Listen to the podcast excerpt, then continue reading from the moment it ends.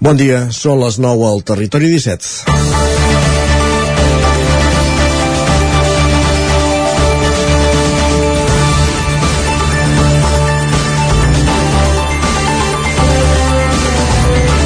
El judici pel cas de la nena de 4 anys ofegada el 2017 a la piscina de Ripoll comença avui al jutjat penal número 5 de Girona. Al banc dels acusats s'hi asseuen el director de la piscina i quatre monitores, que per aquí la Fiscalia demana 3 anys de presó, a més d'una inhabilitació de 4 anys per treballar com a monitors i socorristes o per dirigir les instal·lacions esportives. L'acusació particular exercida per l'advocat Carles Monguilot subscriu la tesi de la Fiscalia i demana la mateixa pena de presó pels acusats, però demana una indemnització de 300.000 euros per als pares, la germana i els avis de la nena.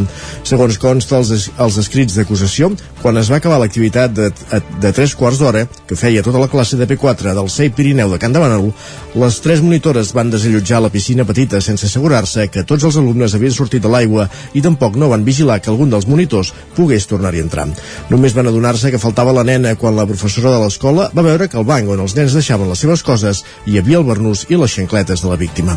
Va ser aleshores quan van trobar inconscient a la piscina, la van trobar inconscient a la piscina i, malgrat les maniobres de reanimació, no va recuperar el pols i el semen va acabar certificant la mort per asfíxia. Un cas que va consternar el Ripollès i que a partir d'avui se sotmet al desenllaç judicial per determinar les responsabilitats. La pena, però, la porten al damunt família i presumptes responsables des del mateix dia dels fets. Comença el Territori 17 a la sintonia d'Ona Codinenca, Ràdio Cardedeu, La Veu de Sant Joan, Ràdio Vic, el 9 FM i el 9 TV. Territori 17, amb Isaac Moreno i Jordi Sunyer.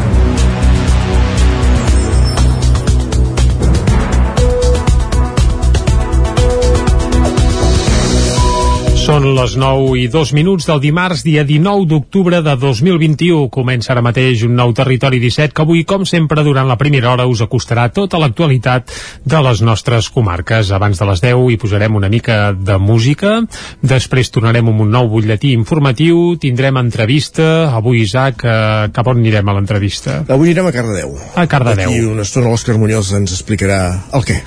Més coses. També és dimarts, per tant vol dir que ens visitaran Joan Carles Carles Arredondo per parlar-nos d'economia. I no només d'economia, avui parlarem mm. del que ell anomena la paradoxa del cambrer. Segur que un cada dia molt interessant. Doncs haurem de parar l'orella i descobrir què s'amaga darrere aquesta paradoxa del cambrer. També ens visitaran Gil Salvans, de l'Agència de l'Energia d'Osona, que un cop al mes ve aquí a Territori 17 a parlar-nos d'aspectes relacionats amb el medi ambient i, per què no, per millorar-nos també la vida i l'eficiència del que tenim a casa. Avui parlarà de l'autoconsum i de possibilitats, a més a més, per rebre subvencions i, per exemple, instal·lar-nos plaques sense haver de gratar-nos excessivament la butxaca i acabarem, com tots els dimarts aquest any a Territori 17, amb el racó de pensar amb la Maria López. Tot això i moltes coses més les farem des d'ara mateix i fins al punt de les 12 del migdia. I, com sempre, per arrencar el que toca és fer un repàs a l'actualitat de casa nostra, l'actualitat de les comarques del Ripollès, Osona, el Moianès i el Vallès Oriental. L'Associació Catalana de Municipis va commemorar dissabte el seu 40è aniversari. L'acte de celebració es va fer a Vic, on l'octubre de 1981 i amb Ramon Muntanyà al capdavant es van forjar les bases de l'associació. Ramon Muntanyà aleshores era l'alcalde de Vic. Camins de sopa de cabra, interpretada pel saxofonista usonenc Pep Poblet, va obrir l'acte del 40è aniversari que l'Associació Catalana de Municipis va celebrar dissabte a Vic. Que se celebrés a la capital usonenca no va ser casualitat, i és que el 3 d'octubre del 1981, a la sala de la columna del consistori biguetà, Ramon Muntanyà, com bé deies, primer alcalde democràtic de la capital usonenca i primer president també de l'ACM, va teixir-hi les bases. Un moment que autoritats del món local i membres del govern van recordar en l'acte de commemoració que va omplir l'auditori Marià Vila de Badal del Sucre. Escoltem a Anna R, alcaldessa de Vic. És un goig poder dir que allà aquell dia doncs, es va constituir la primera sessió de l'ACM, eh, amb 100 alcaldes que van creure amb la força del municipalisme. Però hem de pensar que feia doncs només dos anys després de les primeres eleccions democràtiques, després de 40 anys del franquisme. Evidentment, també cal pensar que feia en aquell moment només 8 mesos del cop d'estat del Guàrdia Civil Tejero amb tot aquest context, eh, després de, de tota aquesta situació, l'empenta doncs, del que seria el govern de la Generalitat i, evidentment, agafant aquest encàrrec doncs, el senyor Montanyà i tot el municipalisme es va crear aquesta primera eh, entitat. Lluís Soler, l'actual president de l'ACM, va parlar dels reptes que entoma a partir d'ara l'entitat vinculats a la transformació del canvi climàtic i a la revolució digital. També va incidir en la importància de formar els càrrecs electes. Lluís Soler. L'Associació Catalana de Municipis avui per avui estem ofertant fins a 12 eh, tercers cicles entre postgraus i màsters especialitzats en l'àmbit sectorial que ens permeten, més enllà de la formació amb seminaris i amb jornades més reduïdes, ens permeten que els nostres electes locals obtinguin una titulació amb l'àmbit de la seguretat, amb l'àmbit de la de la hisenda local properament, amb l'àmbit de la, dels serveis socials, amb l'àmbit de la gestió del personal, amb l'àmbit del, eh, del lideratge, amb temes diferents que amb aquesta oferta formativa de 12 eh, postgraus i el màster de govern local ens permeten pues, donar aquest punt de rigor a la gestió pública municipal. A l'acte també hi va intervenir la presidenta del Parlament, Laura Borràs, que va ser present a l'acte, i el president de la Generalitat, Pere Aragonès, que ho va fer a través d'un vídeo enregistrat.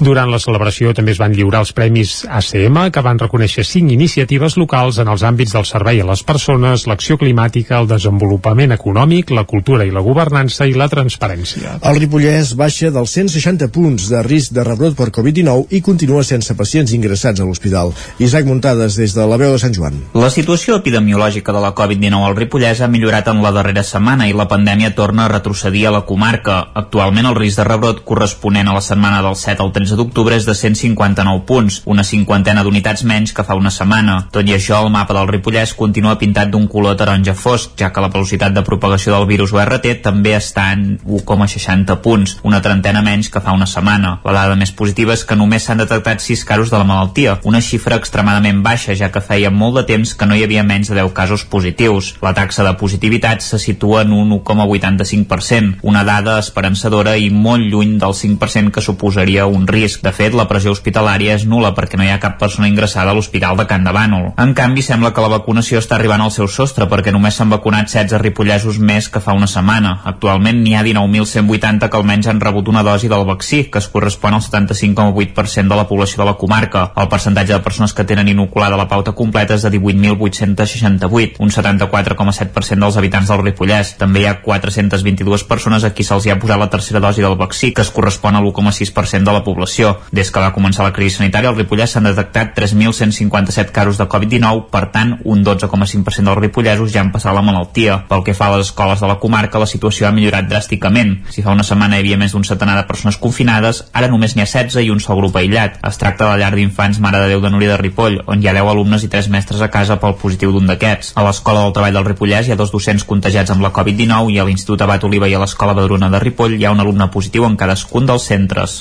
Capgirem Vic manté la voluntat d'aturar la construcció de l'aparcament subterrani que s'ha de fer al Parc Maria Àngels Anglada, als jardins de l'antic Seminari Vell. Divendres es va saber que només una empresa s'ha presentat a la licitació per executar les obres i gestionar l'aparcament. És Àmbit Local Serveis SL i pertany a la Clínica Vallès, que també és qui es va adjudicar la subhasta pública de venda de l'edifici del Seminari Vell. En un comunicat, Capgirem acusa l'equip de govern de clientelisme i de mentir a la població, argumentant una necessitat pública pública d'aparcament que diuen només respon a l'interès de l'empresa que va comprar el seminari vell. La regidora d'Urbanisme, Fabiana Palmero, en declaracions al 9-9, nega que hi hagi cap irregularitat i defensa que l'actual govern de Vic ha aconseguit que el seminari vell tingui un ús després de diversos projectes que no van acabar de fructificar. Els Mossos d'Esquadra i la Guàrdia Municipal de Viladrau han desmantellat una plantació de marihuana al mig del bosc. Segons ha informat l'Ajuntament de Viladrau, la plantació es va localitzar divendres passat en un bosc del terme municipal gràcies a la col·laboració ciutadana. Hi havia més de 400 plantes i eines per tenir-ne cura. S'ha obert una investigació policial amb l'objectiu de trobar-ne els responsables. Per ara, però, no consten detinguts. Després d'un any i mig tancat per la pandèmia, encara no se sap si el cinema biguetà, l'únic que queda al centre de la ciutat de Vic, tornarà a obrir. Els organitzadors del Festival Protesta, que s'està fent aquests dies a Vic, van lamentar durant la presentació del certamen no haver pogut utilitzar el cinema biguetà com havien fet en anteriors edicions. El Festival Nits de Cinema Oriental, l'altra gran cita cinematogràfica de la ciutat, tampoc va poder utilitzar-lo durant el passat mes de juliol i va programar les sessions interiors a l'Atlàntida. I és que ara mateix el futur futur de l'històric cinema biguetà és molt incert. Tancat des de fa un any i mig, just arran de l'esclat de la pandèmia, l'empresa que gestiona l'equipament, que té el local en règim de lloguer, encara no ha vist el moment de reobrir les dues sales i la possibilitat que ja no torni a obrir està sobre la taula. Pinta malament, deixen Albert Vilà, que és el propietari de Multicina Sucre, l'empresa que el 1999 va assumir també la gestió del biguetà, juntament amb la del ja desaparegut Cinema Nou. El fet que fins aquest passat cap de setmana s'hagi mantingut la restricció dels aforaments culturals i sobretot que en els últims mesos no s'hagi recuperat el públic que anava al cinema compliquen la viabilitat i la reobertura del biguetà. El volum de recaptació d'ingressos al multicine Sucre, segons Vilà, encara està molt per sota de l'habitual i no els compensa haver de contractar personal per obrir les dues sales que hi ha al biguetà. L'encariment del preu de la llum és un altre factor que hi juga en contra. Tot i això, la decisió definitiva sobre el futur de l'equipament no està presa i Vilà apunta que esperaran una mica més a veure com evoluciona tot plegat. L'any 2013 ja van tancar les altres dues sales que hi havia al centre de Vic, concretament el Cinema Nou, un espai que continua tancat i barrat. La Biblioteca de Vigues i Riells del FAI organitza quatre rutes literàries per retre homenatge a Maria de Belllloc, escriptora i poetessa molt vinculada a la població. Caral Campàs, des d'Ona Codirenca. Durant anys i Durant setmanes, anys i setmanes aquest diumenge s'ha fet la primera d'aquestes quatre rutes que es faran alguns caps de setmana fins al desembre. La biblioteca ha organitzat aquests recorreguts en motiu del 180è aniversari del seu naixement. Jesús Cano és regidor de Patrimoni. I que eh, amb aquesta iniciativa doncs, estem vinculant patrimoni, estem vinculant doncs, particulars, com és el cas de la Núria Bellavista, eh, s'està vinculant la biblioteca que és la iniciativa que vindria a ser doncs, dir, la, la, la pota de l'Ajuntament i una entitat com és el Gebrac no? estem fent aquí un, un conglomerat de col·laboracions un concepte que com a, que nosaltres com a Ajuntament ens interessa molt no? que diferents eh, estaments del poble, per dir-ho d'alguna manera, doncs, eh, estiguin, es posin d'acord en tirar iniciatives endavant l'1 de novembre, el 21 de novembre i el 4 de desembre es podran recórrer els escenaris que van servir d'inspiració i van protagonitzar l'obra de Maria de Belllloc. Sentim Núria Bellavista, experta en la figura de l'escriptora. Què passa? Què, què és? Per què és tan important Maria de Belllloc tenir-la aquí? Doncs perquè és una persona que va trepitjar el territori, Vigues, Riells, Sant Miquel del Fai, Castell de Montbui, Puig Graciós, com a mínim, molt té molta obra escrita sobre aquests llocs i això fa que dongui peu aquestes rutes literàries és a dir, nosaltres farem les rutes en els llocs que ell ens deixa escrits geogràficament. Totes les rutes seran matinals i comptaran amb el suport d'una audioguia enregistrada per l'ocasió. Gràcies, Caral. Ara sí, David anem a tu. Divendres s'inaugurava a Cardedeu Moments, una exposició de Mercè Boveré amb tècnica mixta. Es podrà visitar fins al proper 29 d'octubre a l'espai de l'estació és allà. David Olodell, com dèiem, des de Ràdio Televisió de Cardedeu. Durant anys i setmana rere setmana, Mercè Boveré ha posat en pràctica les seves capacitats creatives i avui es considera una de les pintores no professionals més rellevants de la zona. A l'espai l'estació és allà de Jordi Aligue se'n mostra un recull d'obres amb el nom Moments, on s'experimenta el desig de jugar amb les imatges i el material Jordi Aliguer, artista i gestor de l'estació és allà. Són monotípies, és una tècnica eh, pictòrica que es treballa utilitzant un tòrcol de gravar com a premsa, totes elles estan estampades sobre tela de cotó. L'artista Mercè Bovaré portava treballant en aquest conjunt de peces des de 2019, però a causa de la pandèmia va haver de fer un descans obligatori. Ara, amb l'obra enllestida, es pot veure una combinació de diferents espais, colors i tècniques. Ens ho explica Mercè Bovaré. A vegades, quan vaig amb el cotxe, doncs veig un cel que m'agrada o o una llum en un moment determinat i doncs si puc paro, tiro la foto i després la reinterpreto aquí uh, reinterpreto colors, els cels, uh, a la terra i llavors vaig utilitzant diferents, diferents tècniques i diferents uh, composicions. Els quadres de la Mercè exposats a l'estació és allà es poden comprar en aquesta sala d'art i estaran exposats fins al proper divendres 29 d'octubre. Aquest cap de setmana ha estat el primer sense restriccions a l'aforament per la Covid-19, la restauració, a la restauració, els recintes esportius, a l'aire lliure i els actes culturals. I també ha estat el de la reobertura del local d'oci nocturn més gran d'Osona, les Carpes. Després d'un any i mig de pandèmia han tornat amb èxit de públic i queixes per la pressió social i administrativa que asseguren que el suposa la represa de l'activitat. Dissabte a la nit hi havia cues a l'entrada de les Carpes Vic Estiu amb joves que mòbil en mà esperaven per accedir a l'establiment acreditant que tenien la reserva prèvia. No havien d'ensenyar el certificat Covid, un requisit del que en queden exclosos els espais d'oci nocturn a l'aire lliure. Tant divendres, el dia que les carpes van tornar a obrir després d'un any i mig, com dissabte, es van exaurir les 1.900 entrades anticipades, l'aforament total de l'espai. A l'interior s'hi evidenciaven les ganes de festa i també l'absència de mascaretes, malgrat els esforços del personal de les barres i dels membres de, i dels membres, volem dir, de seguretat. Joan Mancera és el responsable del grup Esbar Joon, que gestiona les carpes. Però sí que és veritat que nosaltres, al sector privat, eh, notem, la, jo, jo personalment, la pressió social que ets terrible que, que comporta això, no? És, ja es pot obrir, ja està. No, no està. Hi ha un, fa, hem de tenir en compte que fa un any i mig que això no existia, que hi ha molta gent que necessita sortir per edat, per, per, per el que els hi toca, i que ara ens toca a nosaltres fer d'educadors, controlar, eh, vigilar, eh, molt dur.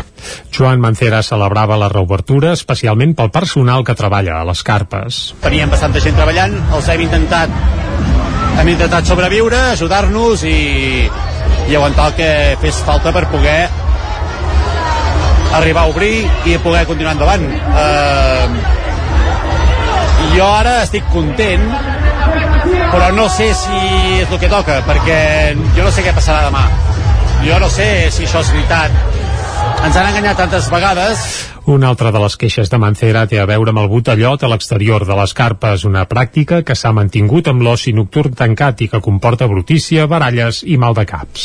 Acabem aquí aquest repàs informatiu que hem fet des de les 9 del matí en companyia de David Auladell, Caral Campàs, Isaac Muntades i Jordi Sunyer. Fem tot seguit, anem tot seguit a la previsió meteorològica.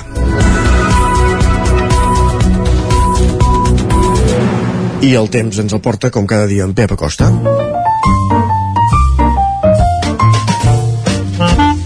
Casa Terradellos us ofereix el temps. I en Pep Acosta el saludem ara mateix. Pep, molt bon dia. Hola, molt bon dia. I molt bona hora. Ja som dimarts. I tant. Va avançant la setmana. I tant, també. Va avançant tot, com sempre, això no para.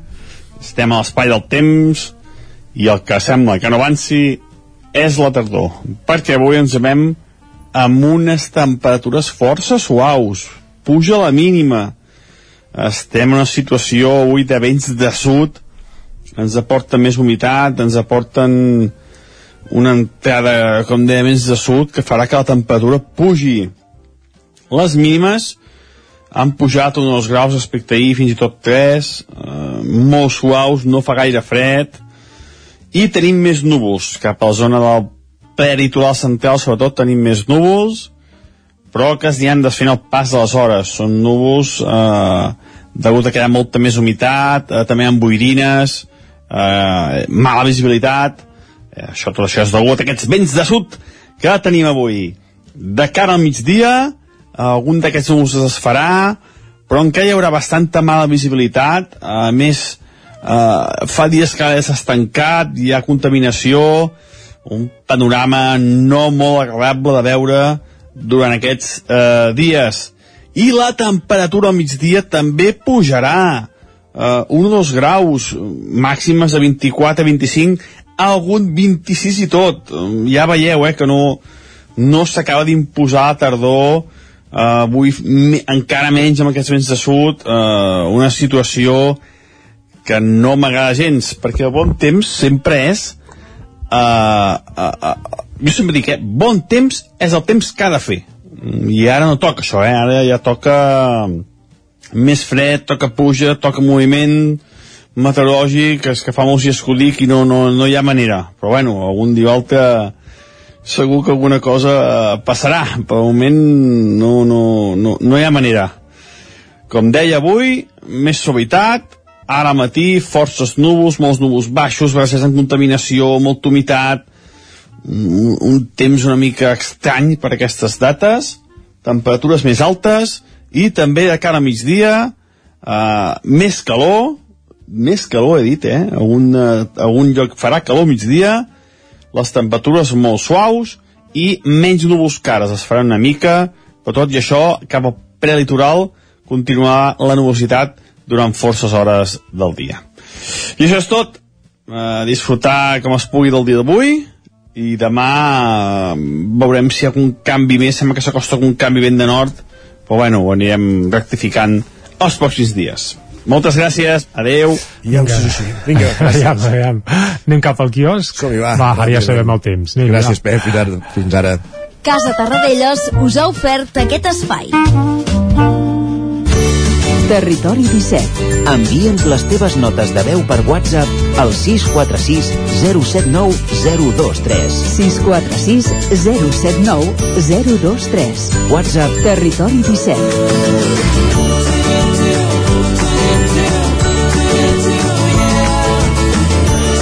Territori 17. Som a Facebook, Twitter i Instagram amb l'usuari Territori 17.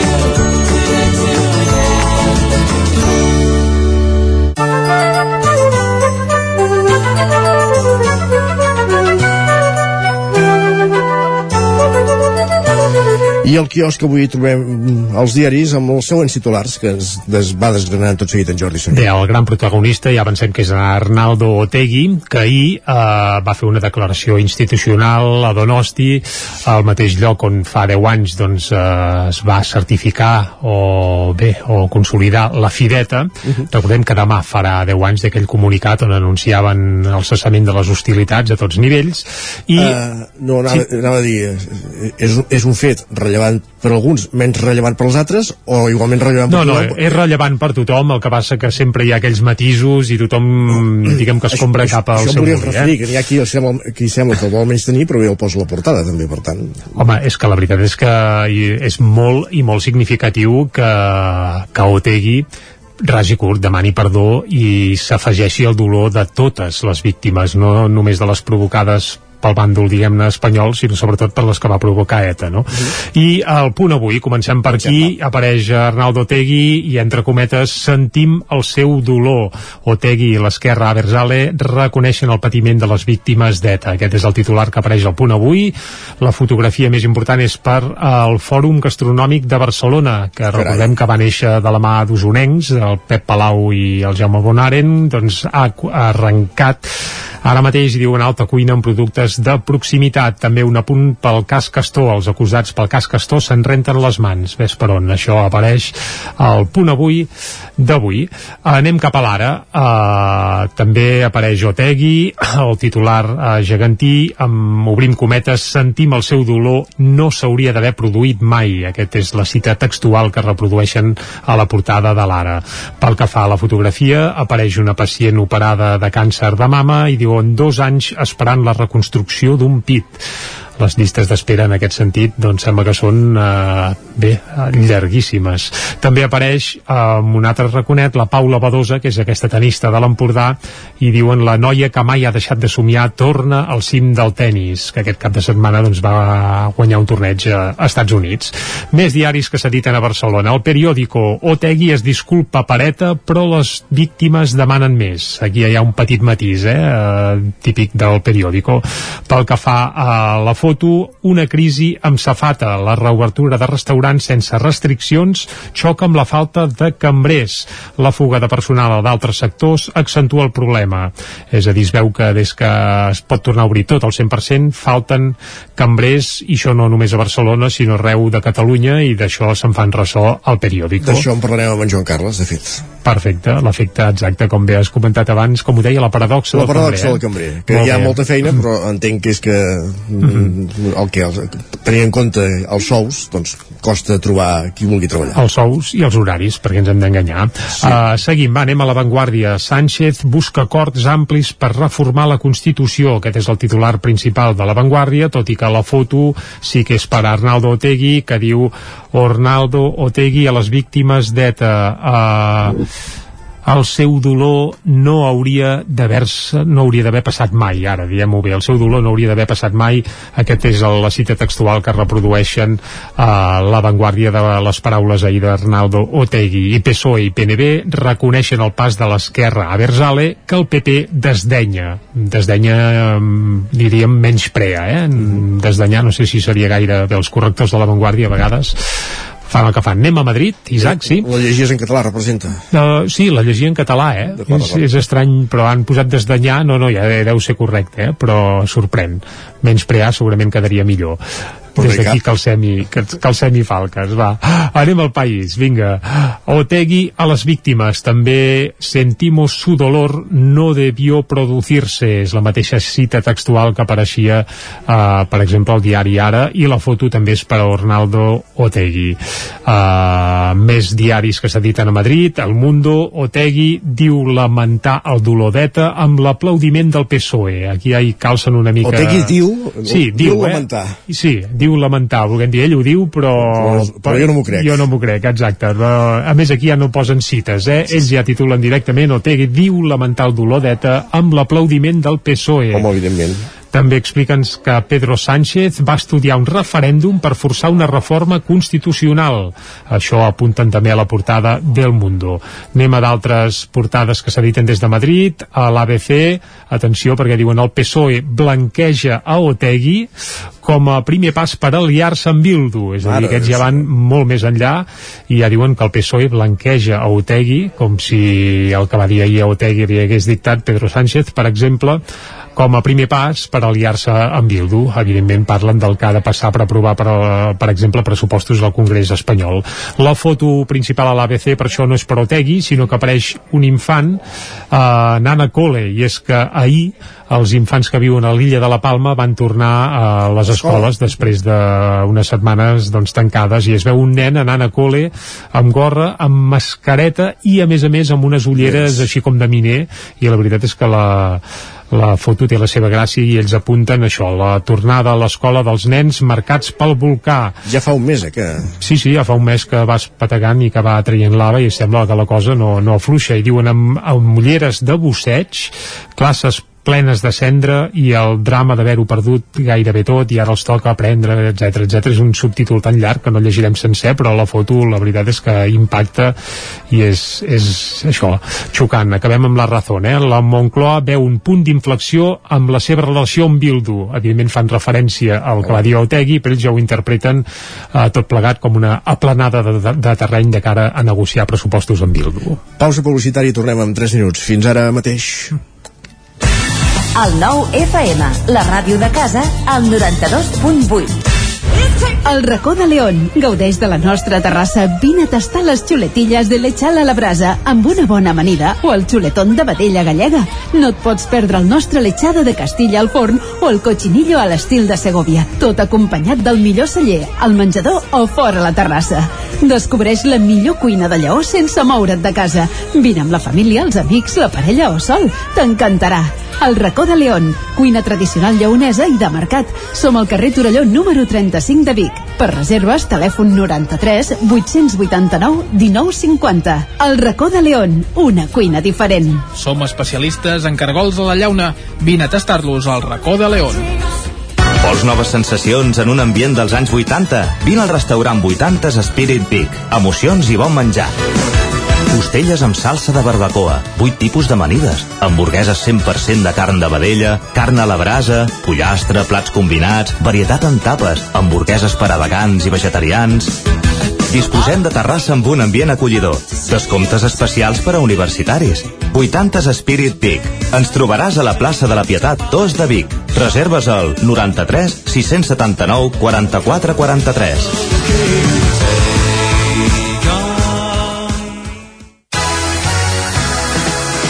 Ja tens la teva disfressa de Halloween? A Manli tenim les més terrorífiques. Vine a buscar caretes i tots els complements que et calguin per passar una nit de por. Ens trobareu al carrer de Ramon Soler número 1 de Vic i també a manli.cat. A Manli fem de la festa una bogeria. Amb Pradell estalvio energia i cuido la meva butxaca i el medi ambient. Posa't en mans a Pradell, són experts en calderes de gas i condensació estufes de pèl·let, energia solar, terres radiants i geotèrmia. Pradell instal·la calderes de biomassa per a particulars i per a empreses. Si vols estalviar un 50% en consum, contacta amb Pradell i passa't a les energies renovables. Pradell som a l'Avinguda Països Catalans 27 de Vic. Telèfon 93 885 1197. Pradell.cat. Això és el que s'escolta al voltant d'una caldera saunia d'Oval. Tranquilitat i benestar, perquè gaudeix del millor manteniment del servei tècnic oficial per estar despreocupat. O el que vulgui. Informis a Oficiat Nord trucant al 938860040. Saunia d'Oval, sempre al seu costat. Anuncia't al 9FM. La màquina de casa. 9 3 8 8 9 4 9 4 9. Publicitat arroba al 9FM.cat. Anuncia't al 9FM. La publicitat més eficaç. El 9FM, el 9FM, el 9FM, el 9FM. Són dos quarts de deu. Territori 17, amb Isaac Moreno i Jordi Sunyer.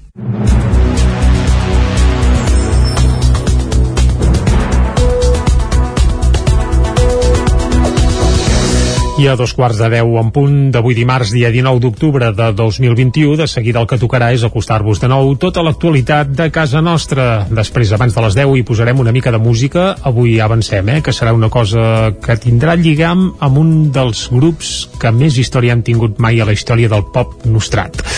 Uh, qui diries, Isaac? Va, Clar, depèn del que entenguem per nostrats. Uh, home, països catalans. Països catalans, pop nostrats. Uh, uh, Doble bubla. No, home, no. Eh, Diguem que un grup que ha venut molts més milers de discos que Doble Bubla i segurament seria Més el recent. més... Bueno, Sau. No, home, no. Sau estan morts i extingits. Carai, catarres. Uh, catarres, no, no. Més Carango, històric, eh? històric. Uh, va, deixem-ho aquí i abans de les 10 ho descobrirem, va. Uh, més, més, a les 10 tornarem amb més informació i més notícies. És dimarts, tocarà parlar d'economia. En Joan Carles Arredondo ens visitarà per explicar-nos que Isaac, algo relacionat amb els cambrers hem quedat, eh? Sí, la paradoxa del cambrer és el seu titular i a l'entrevista avui parlarem de, de, de l'app Identify. Parlarem d'aquí, res, encara no a tres quarts d'hora. Ara pla, no sé pas de què deu anar aquesta app, eh? Uh, Ho descobrirem. Ho descobrirem, per això hi som, exacte, per explicar-vos coses, entretenir-vos i informar-vos. I avui també acabarem amb el racó de pensar amb la Maria López i, a més a més, també ens visitaran Gil Salvans de l'Agència de l'Energia d'Osona per parlar-nos d'autoconsum. Tot això i moltes coses més les farem des d'ara i fins al punt de les 12 del migdia. El que toca, però, quan passen ja gairebé dos minutets de dos quarts de deu, és acostar-vos de nou l'actualitat de casa nostra, l'actualitat de les comarques del Ripollès, Osona, el Moianès i el Vallès Oriental. Els pets, no volies dir? Ho has endevinat. Hores, hores. Després explicarem o escoltarem eh, què s'amaga darrere l'estrena mundial que, que farem avui. Va. Doncs va, som-hi, ara sí, ens actualitzem.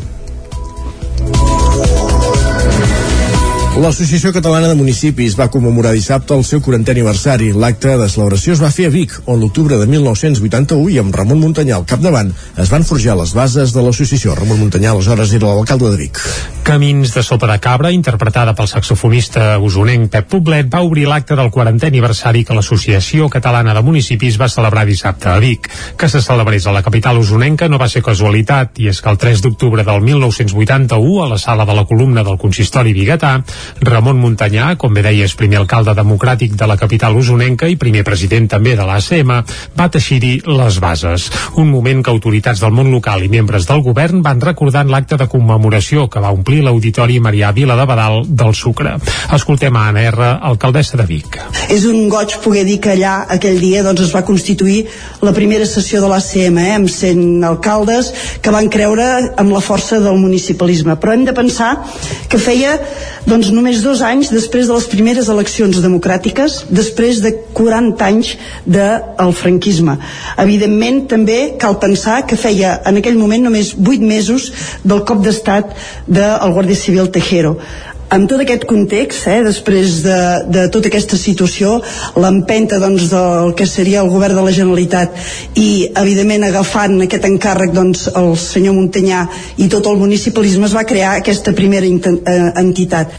Lluís Soler, l'actual president de l'ACM, va parlar dels reptes que entoma a partir d'ara l'entitat vinculats a la transformació del canvi climàtic i a la revolució digital.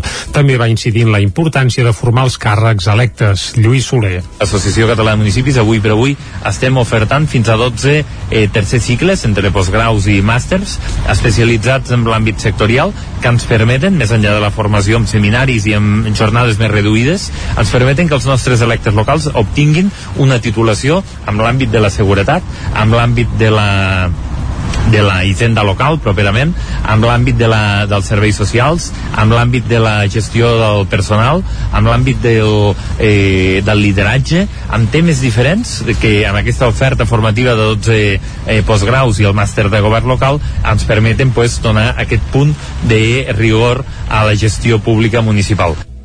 A l'acte també hi va intervenir la presidenta del Parlament, Laura Borràs, que va ser present a l'acte, i el president de la Generalitat, Pere Aragonès, que ho va fer a través d'un vídeo enregistrat.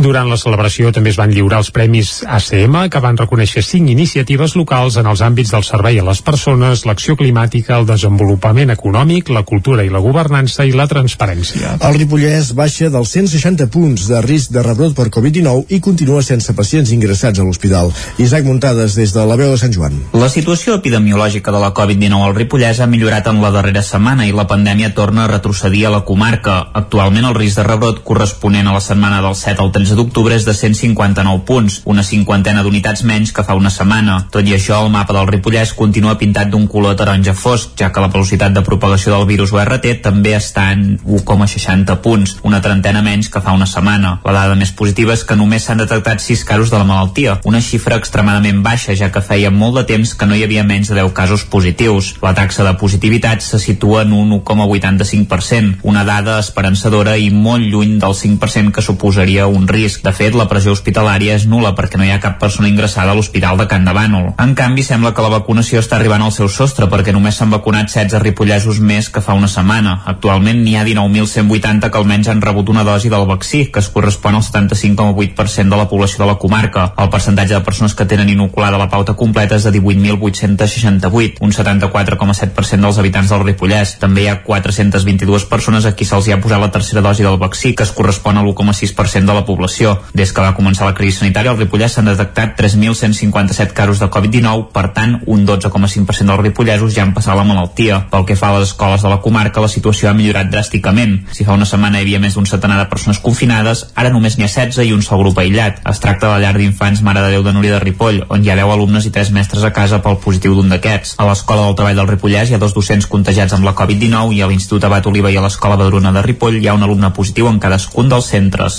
Capgirem Vic manté la voluntat d'aturar la construcció de l'aparcament subterrani que s'ha de fer al Parc Maria Àngels d'Anglada, als jardins de l'antic Seminari Vell. Divendres es va saber que només una empresa s'ha presentat a la licitació per executar les obres i gestionar l'aparcament. És Àmbit Local Serveis SL i pertany a la Clínica Vallès, que també és qui es va adjudicar la subhasta pública de venda de l'edifici del Seminari Vell. En un comunicat, Capgirem acusa l'equip de govern de clientelisme i de mentir a la població, argumentant una necessitat pública d'aparcament que, diuen, només respon a l'interès de l'empresa que va comprar el Seminari Vell. La regidora d'Urbanisme, Fabiana Palmero, en declaracions al 9-9, nega que hi hagi cap irregularitat i defensa que l'actual govern de Vic ha aconseguit que el Seminari Vell tingui un ús després de diversos projectes que no van acabar de fructificar. Els Mossos d'Esquadra i la Guàrdia Municipal de Viladrau han desmantellat una plantació de marihuana al mig del bosc. Segons ha informat l'Ajuntament de Viladrau, la plantació es va localitzar divendres passat en un bosc del terme municipal gràcies a la col·laboració ciutadana.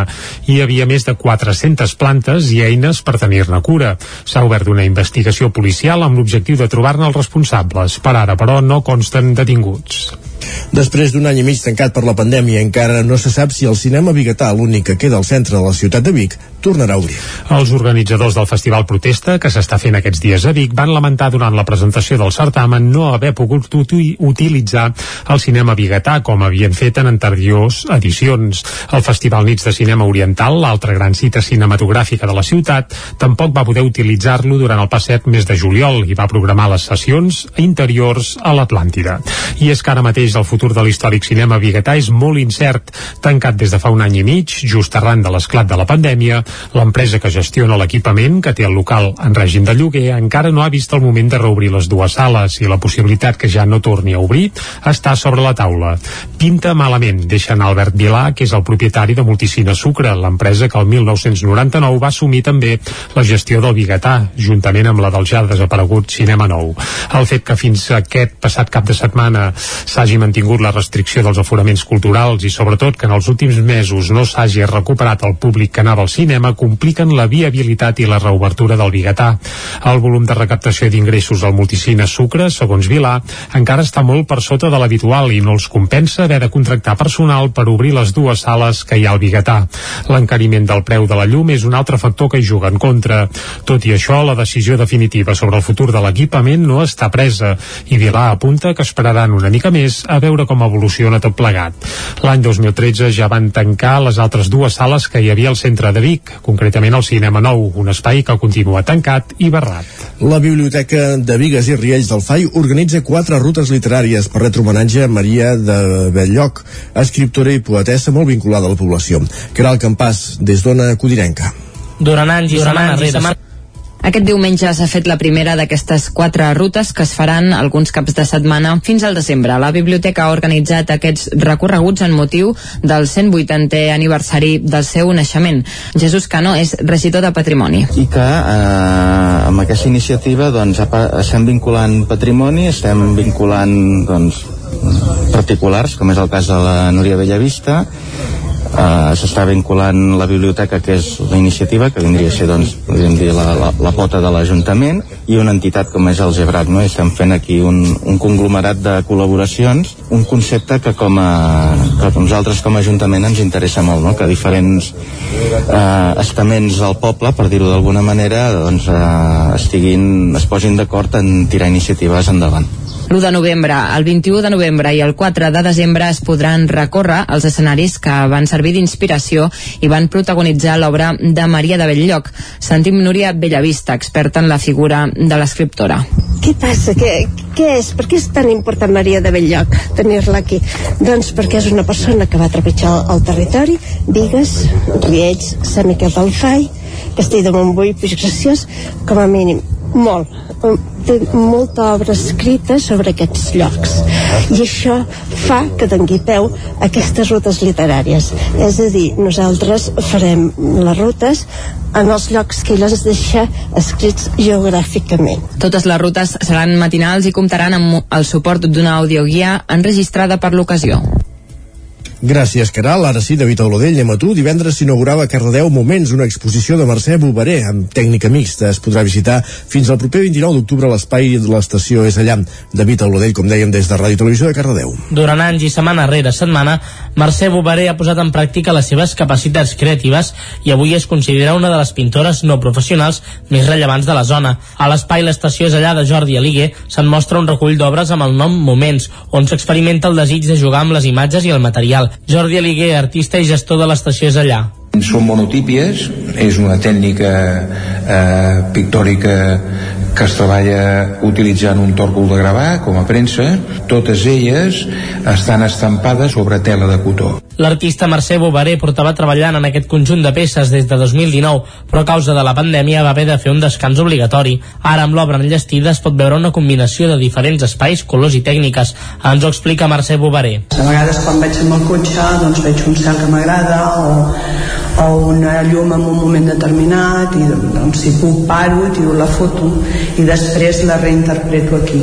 Uh, reinterpreto colors, els cels, uh, a la terra i llavors vaig utilitzant diferents, diferents tècniques i diferents uh, composicions.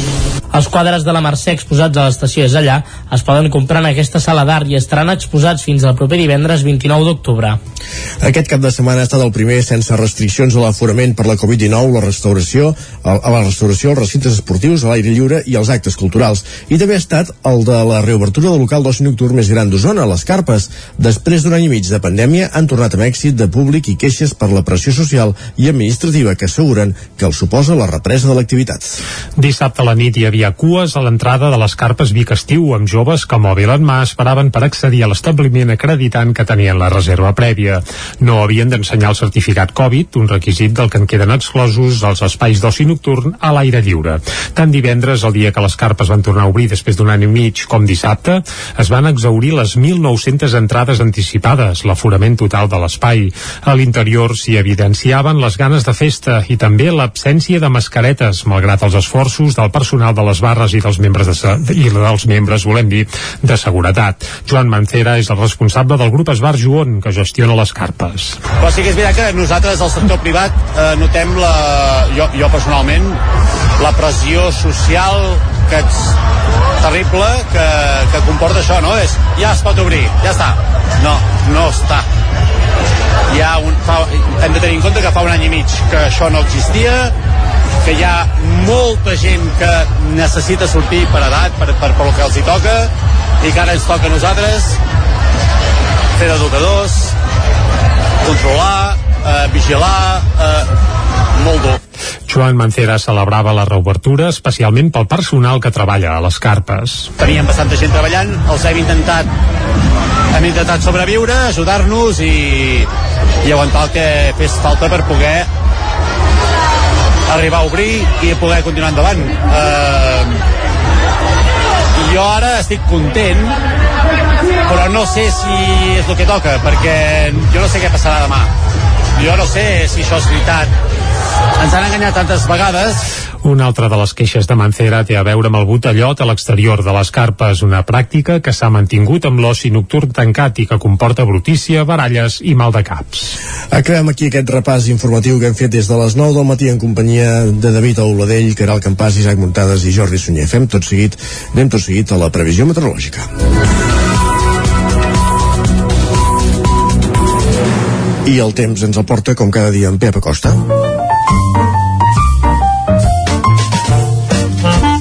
Casa Terradellos us ofereix el temps. I en Pep Acosta el saludem ara mateix. Pep, molt bon dia. Hola, molt bon dia. Molt bona hora. Ja som dimarts. I tant. Va avançant la setmana. I tant, també. Va avançant tot, com sempre, això no para. Estem a l'espai del temps i el que sembla que no avanci és la tardor. Perquè avui ens veiem amb unes temperatures força suaus. Puja la mínima. Estem en una situació avui de vents de sud ens aporta més humitat, ens aporten una entrada, com deia, més de sud, que farà que la temperatura pugi. Les mínimes han pujat uns graus respecte ahir, fins i tot 3, eh, molt suaus, no fa gaire fred, i tenim més núvols, cap a la zona del prelitoral central, sobretot tenim més núvols, però que es aniran desfent el pas de les hores. Són núvols eh, degut a que hi ha molta més humitat, eh, també amb boirines, eh, mala visibilitat. Eh, això, tot això és degut a aquests vents de sud que tenim avui. De cara al migdia algun d'aquests núvols es farà però encara hi haurà bastanta mala visibilitat. A més eh, fa dies que s'ha estancat hi ha contaminació un panorama no molt agradable de veure durant aquests eh, dies i la temperatura al migdia també pujarà uh, un o dos graus, màximes de 24 a 25, algun 26 i tot. Ja veieu, eh, que no, no s'acaba d'imposar tardor, uh, avui encara menys amb aquests vents de sud, uh, una situació que no m'agrada gens, perquè el bon temps sempre és uh, uh, uh, jo sempre dic, eh, bon temps és el temps que ha de fer i ara no toca això, eh? ara ja toca més fred, toca puja, toca moviment meteorològic, és que fa molts dies que ho dic i no, no, no hi ha manera. Però bueno, algun dia altre segur que alguna cosa passarà. Per moment no, no, no, no hi ha manera. Com deia avui, més suavitat, ara matí, forces núvols, molts núvols baixos, gràcies a contaminació, molta humitat, un, un temps una mica estrany per aquestes dates, temperatures més altes, i també de cara a migdia, eh, més calor, més calor he dit, eh? A un, a algun lloc farà calor a migdia, les temperatures molt suaus, i menys núvols cares, es farà una mica, però tot i això, cap al prelitoral, continuarà la nubositat durant forces hores del dia. I això és tot. Uh, disfrutar com es pugui del dia d'avui i demà uh, veurem si hi ha algun canvi més, sembla que s'acosta algun canvi vent de nord, però bueno, ho anirem rectificant els pròxims dies. Moltes gràcies, adeu. Vinga, sí, sí. Vinga, aviam, aviam. Anem cap al quiosc? Com hi va? Va, ara ja sabem el temps. Anem, Gràcies, Pep, fins ara. Fins ara. Casa Tarradellas us ha ofert aquest espai. Territori 17. Envia'ns les teves notes de veu per WhatsApp al 646 079 023. 646 079 023. WhatsApp Territori 17.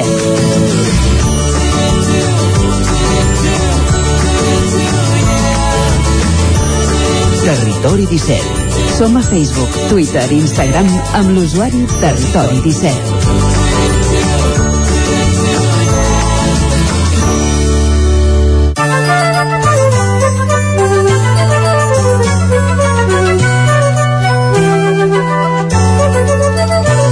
I el quiosc avui trobem mm, els diaris amb els següents titulars que es des, va desgranant tot seguit en Jordi Sunyer. Bé, el gran protagonista ja pensem que és Arnaldo Otegui, que ahir eh, va fer una declaració institucional a Donosti, al mateix lloc on fa 10 anys doncs, eh, es va certificar o bé, o consolidar la Fideta. Uh -huh. Recordem que demà farà 10 anys d'aquell comunicat on anunciaven el cessament de les hostilitats a tots nivells. I... Uh, no, anava, sí. anava a dir, és, és, és un fet rellevant per alguns, menys rellevant per als altres, o igualment rellevant no, per no, tothom? és rellevant per tothom, el que passa que sempre hi ha aquells matisos i tothom, diguem que es compra cap al seu volia moll, referir, eh? que n'hi ha qui, sembla, qui sembla que el vol menys tenir, però ja el posa a la portada, també, per tant...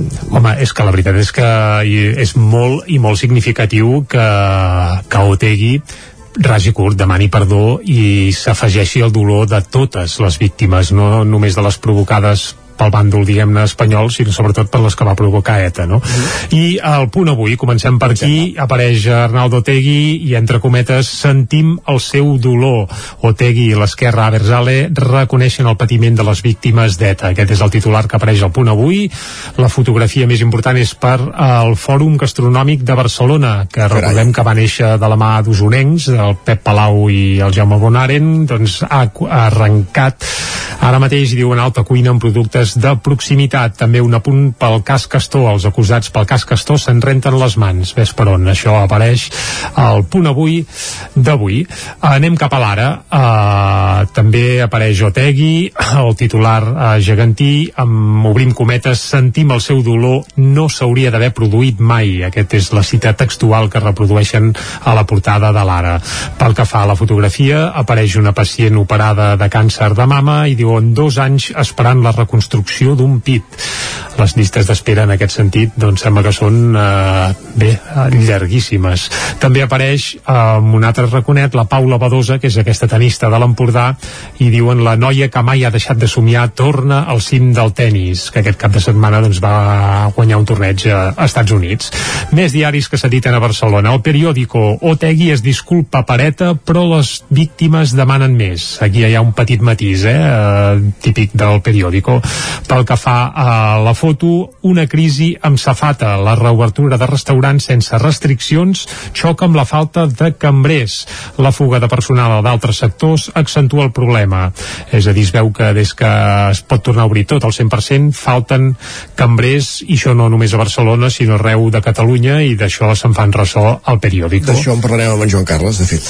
Perfecte, l'efecte exacte, com bé has comentat abans, com ho deia, la paradoxa La del paradoxa del cambrer. cambrer, eh? que Molt hi ha bé. molta feina, però entenc que és que mm, el que els, tenint en compte els sous, doncs costa trobar qui vulgui treballar. els sous i els horaris, perquè ens hem d'enganyar. Sí. Uh, seguim, va, anem a l'avantguàrdia. Sánchez busca acords amplis per reformar la Constitució. Aquest és el titular principal de l'avantguàrdia, tot i que la foto sí que és per Arnaldo Otegui, que diu Ornaldo Otegui a les víctimes d'ETA. Uh, el seu dolor no hauria d'haver-se no hauria d'haver passat mai, ara diem-ho bé el seu dolor no hauria d'haver passat mai. Aquest és la cita textual que reprodueixen uh, l'avantguàrdia de les paraules ahir d'Arnaldo Otegui. I PSOE i PNB reconeixen el pas de l'esquerra a Berzale que el PP desdenya. Desdenya diríem menys prea eh? desdenyar no sé si seria gaire bé. Els correctors de l'avantguàrdia a vegades fan el que fan. Anem a Madrid, Isaac, sí? La llegies en català, representa. Uh, sí, la llegia en català, eh? És, és estrany, però han posat desdanyar, no, no, ja deu ser correcte, eh? Però sorprèn. Menys prear segurament quedaria millor. Des d'aquí calcem calcem i falques, va. Anem al país, vinga. Otegui a les víctimes. També sentimos su dolor no debió producirse. És la mateixa cita textual que apareixia, uh, per exemple, al diari Ara, i la foto també és per a Ornaldo Otegui. Uh, més diaris que s'editen a Madrid, El Mundo, Otegui diu lamentar el dolor d'ETA amb l'aplaudiment del PSOE. Aquí ja hi calcen una mica... Otegui diu, sí, diu, diu eh? lamentar. Sí, diu lamentar, volguem dir, ell ho diu, però... Però, però jo no m'ho crec. Jo no m'ho crec, exacte. A més, aquí ja no posen cites, eh? Ells ja titulen directament Otegui diu lamentar el dolor d'ETA amb l'aplaudiment del PSOE. Home, evidentment. També expliquen que Pedro Sánchez va estudiar un referèndum per forçar una reforma constitucional. Això apunten també a la portada del Mundo. Anem a d'altres portades que s'editen des de Madrid, a l'ABC, atenció perquè diuen el PSOE blanqueja a Otegui com a primer pas per aliar-se amb Bildu. És a dir, aquests ja van molt més enllà i ja diuen que el PSOE blanqueja a Otegui com si el que va dir ahir a Otegui li hagués dictat Pedro Sánchez, per exemple, com a primer pas per aliar-se amb Bildu. Evidentment parlen del que ha de passar per aprovar, per, per exemple, pressupostos al Congrés espanyol. La foto principal a l'ABC per això no és per Otegui, sinó que apareix un infant, eh, Nana Cole, i és que ahir els infants que viuen a l'illa de la Palma van tornar a les escoles després d'unes setmanes doncs, tancades i es veu un nen anant a col·le amb gorra, amb mascareta i a més a més amb unes ulleres així com de miner i la veritat és que la, la foto té la seva gràcia i ells apunten això, la tornada a l'escola dels nens marcats pel volcà. Ja fa un mes, eh, que... Sí, sí, ja fa un mes que vas pategant i que va traient lava i sembla que la cosa no, no afluixa. I diuen amb, amb ulleres de busseig, classes plenes de cendra i el drama d'haver-ho perdut gairebé tot i ara els toca aprendre, etc etc. És un subtítol tan llarg que no llegirem sencer, però la foto la veritat és que impacta i és, és això, xocant. Acabem amb la raó, eh? La Moncloa veu un punt d'inflexió amb la seva relació amb Bildu. Evidentment fan referència al que va dir Otegui, però ells ja ho interpreten eh, tot plegat com una aplanada de, de, de terreny de cara a negociar pressupostos amb Bildu. Doncs llegida les portades és temps per anar d'anar pels pets, deies, oi Jordi? I tant, i tant. Uh, bé, uh, pels pets amb matisos, eh? Ah, però matisos. ara els detallarem. I, evidentment, com hem dit abans, segurament els pets, el grup de pop mm, més important Gloriós, que ha tingut sí. mai els països catalans Sí, per números, per longetivitat, per qualitat i per cançons que ja formen part de, bé, gairebé de la nostra banda sonora, no només de la nostra generació, I si sinó vols hi afegim el gran programa que fan que vol cada dia.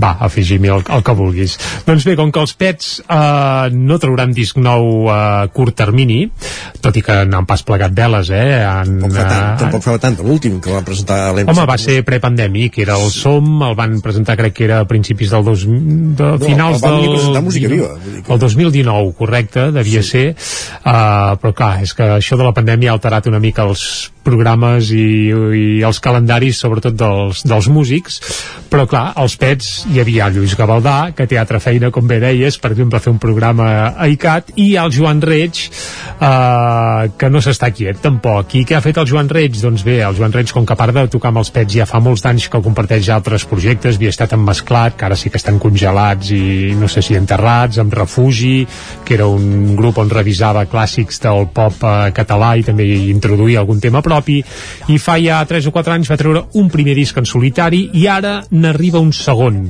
El segon disc en solitari de Joan Reig es titula Bagatzem, que és una mica de fusió entre magatzem i bagatge, ell que ja té un bagatge, doncs ha anat al seu magatzem particular, ha rescatat unes quantes cançons, també uns quants poemes, és a dir, resulta que en aquest nou disc també apareix el Joan Reig poeta, que fa de rapsoda, perquè de les 18 peces que hi ha al disc la meitat són cançons i l'altra poemes musicats i recitats en algun cas. Per tant, la cosa té certa gràcia i ara, si et sembla, fins a arribar al punt de les 10 escoltarem el que és o serà el primer single d'aquest nou disc. Es diu Un pessic de mel i podreu comprovar que té un aire 60s total. El Joan Reig sempre ha estat un amant això, eh, de la música del segle passat i sobretot d'aquests primers grups que hi ha en català doncs també es dedicaven a fer una mica de pop rock doncs ell eh, repescant aquell so ha fet peces divertidíssimes i entranyables com aquest, un pessic de mel som-hi, som -hi.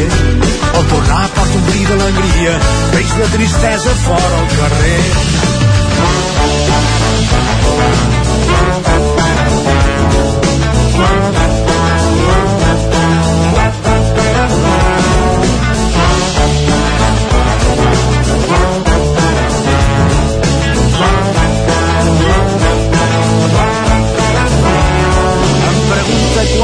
quan vindràs vol saber com ets, què fas ella sap que li guardaràs un bocinet de mar, un trosset de cel. Em pregunta quan vindràs, vol saber com ets, què fas. Ella sap que li guardaràs un bocinet de mar, un trosset de cel i un pessic de mel. I un pessic de mel.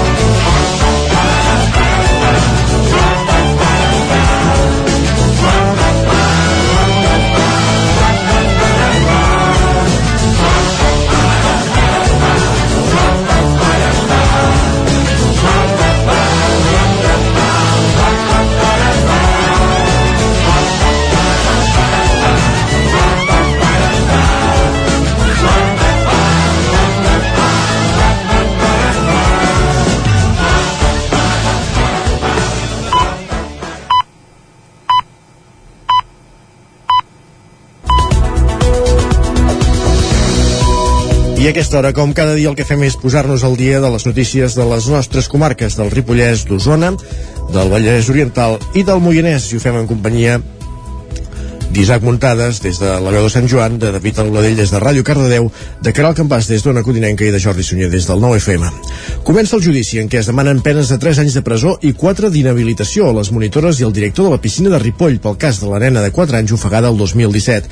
Isaac Muntades des de la veu de Sant Joan. A partir d'aquest dimarts, el jutjat penal número 5 de Girona jutjarà quatre monitores i el director de la piscina municipal de Ripoll pel cas de la nena de 4 anys que va morir ofegada fa 4 anys, el 19 de maig de l'any 2017. La jutgessa del jutjat d'instrucció número 1 de Ripoll va enviar a judici els cinc implicats perquè hi veien indicis d'homicidi per imprudència greu, una visió que fa seva la Fiscalia. Per aquest motiu demana 3 anys de presó per a les quatre monitores que treballaven aquell dia al curset i per al director de la piscina. A més a més, els hi demana 4 anys d'inhabilitació per treballar com a monitors i socorristes o per dirigir instal·lacions esportives. En matèria de responsabilitat civil, la Fiscalia demana una indemnització per la família xifrada en 166.600 euros que haurien d'afrontar els acusats de forma conjunta i solidària, però considera que les asseguradores han de respondre com a responsables civils directes i que l'Ajuntament de Ripoll i el Departament d'Ensenyament siguin responsables civils subsidiaris, és a dir, que haurien d'assumir el cost de les indemnitzacions en cas de condemna. L'acusació particular, exercida per l'advocat Carles Monguilot, subscriu la tesi de la Fiscalia i demana la mateixa pena de presó pels acusats, però demana una indemnització de 300.000 euros per als pares, la germana i els avis de la nena. El dia que va morir la nena, a la piscina s'hi feia una de les sessions del curs de natació amb els alumnes de P4 de l'Escola Sei Pirineu de Camp de Bànol. L'activitat es feia en horari lectiu escolar i durava uns 50 minuts. En principi, el curset l'havien de dirigir quatre monitores, però dues no van poder assistir-hi i el director les va substituir. Una de les substitutes també tenia encomanada la tasca de socorrista. Segons les acusacions, cada monitora tenia assignat uns alumnes concrets, fent les activitats durant els primers 40 minuts a la piscina petita, excepte el grup que duia una de les monitores acusades, que les feia a la gran. Per aquest motiu, el director va decidir que aquesta monitora s'ocuparia de fer de socorrista a la piscina gran i de monitora d'un grup de quatre alhora i que un altre faria aquestes funcions en el grup on es trobava la víctima, a la piscina petita i de socorrista. Les acusacions creuen que va haver-hi una desatenció. Quan es van acabar les activitats, tots els alumnes van anar a la piscina petita per fer 10 minuts de jocs. Durant aquell temps, la monitora i socorrista de la piscina gran es va quedar fora de la petita i a l'interior s'hi van quedar dues monitores. La que feia de socorrista de la petita se'n va anar sense una causa justificada i va desatendre la seva doble assignació de funcions. Quan es va acabar l'activitat, les acusacions expliquen que les tres monitores van desallotjar la piscina petita sense assegurar-se que tots els alumnes havien sortit de l'aigua i tampoc no van vigilar que algun dels menors pogués tornar-hi a entrar.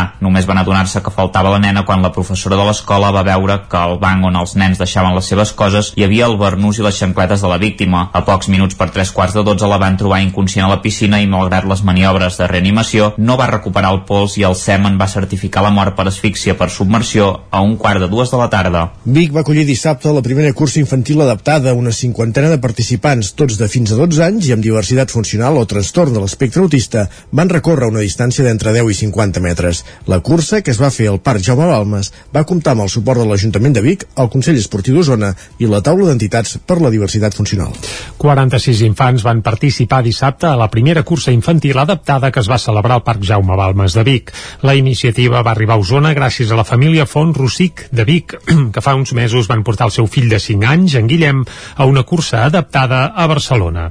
Allà en Guillem va córrer amb el seu pare, en Marc. Dissabte ho va fer amb el seu germà gran, l'Adrià. Per la seva família, instaurar curses adaptades a la comarca és sinònim de trencar barreres. Ho detalla Romi Rossic, pediatre i mare d'en Guillem. Nosaltres eh, ho vam veure per les reds i vam dir, doncs aquí en Guillem hi ha d'anar, no? I a l'agost vam participar a la primera cursa de Barcelona del Gòtic i la veritat és que va ser impressionant. O sigui, tant en Guillem com tota la família eh, vam disfrutar moltíssim sobretot de veure que havia un lloc on podia participar, podia començar acabar, guanyar, rebre la recompensa no, de tothom que l'aplaudia, de la medalla, com qualsevol nen que és, ell és un altre nen, no? tots els altres nens poden fer aquestes activitats i ell quan hi vol participar sempre es queda mitges perquè no pot arribar al final. No? Els participants van poder escollir entre 5 distàncies de 10 a 50 metres lineals. Al llarg dels diferents recorreguts, el públic va animar en tot moment amb les mans alçades i movent els canells, una fórmula sense estímuls auditius, respectuosa amb les necessitats dels participants. Des de l'Ajuntament de Vic i el Consell Esportiu, la voluntat és donar continuïtat a la cursa i en un futur traslladar-la a la zona esportiva. Titi Roca és el regidor d'Esports de l'Ajuntament de Vic. Igual també ens agradaria poder-ho ubicar a la zona esportiva, perquè allà és on eh, la, la, el gruix de la ciutadania amb la seva totalitat quasi bé practiquen diferents esports i nosaltres, nosaltres el que ens agradaria és que aquests nens no, nens i nenes també gaudissin d'aquells espais i per tant amb accions diferents que puguem fer, igual hi haurà alguna de les accions que pensàvem també traslladar-la allà. Al tractar-se d'una cursa no competitiva, al final tots els participants a la cursa van rebre una medalla i un obsequi. Concert de Caral Albinyant al Museu Arxiu Tomàs Balvei de Cardedeu en el marc de l'exposició Nits amb Jazz, commemoració del 50è aniversari. David Auladell, de Ràdio Televisió de Cardedeu. El Museu Arxiu Tomàs Balvei de Cardedeu commemora amb aquesta exposició el que van ser les nits de jazz a Cardedeu, tot un precedent per a molts dels cicles de jazz d'avui en dia a Catalunya entre 1971 i 1981. En aquelles nits de jazz van actuar més d'un centenar de músics tant catalans com internacionals. Amb l'exposició es torna enrere en el temps amb un recull d'objectes i fotografies originals rescatades i distribuïdes de manera que recorden el primer concert que va tenir lloc al Parc dels Pinatons. A més, l'exposició s'ha organitzat un seguit de concerts gratuïts dins del mateix museu.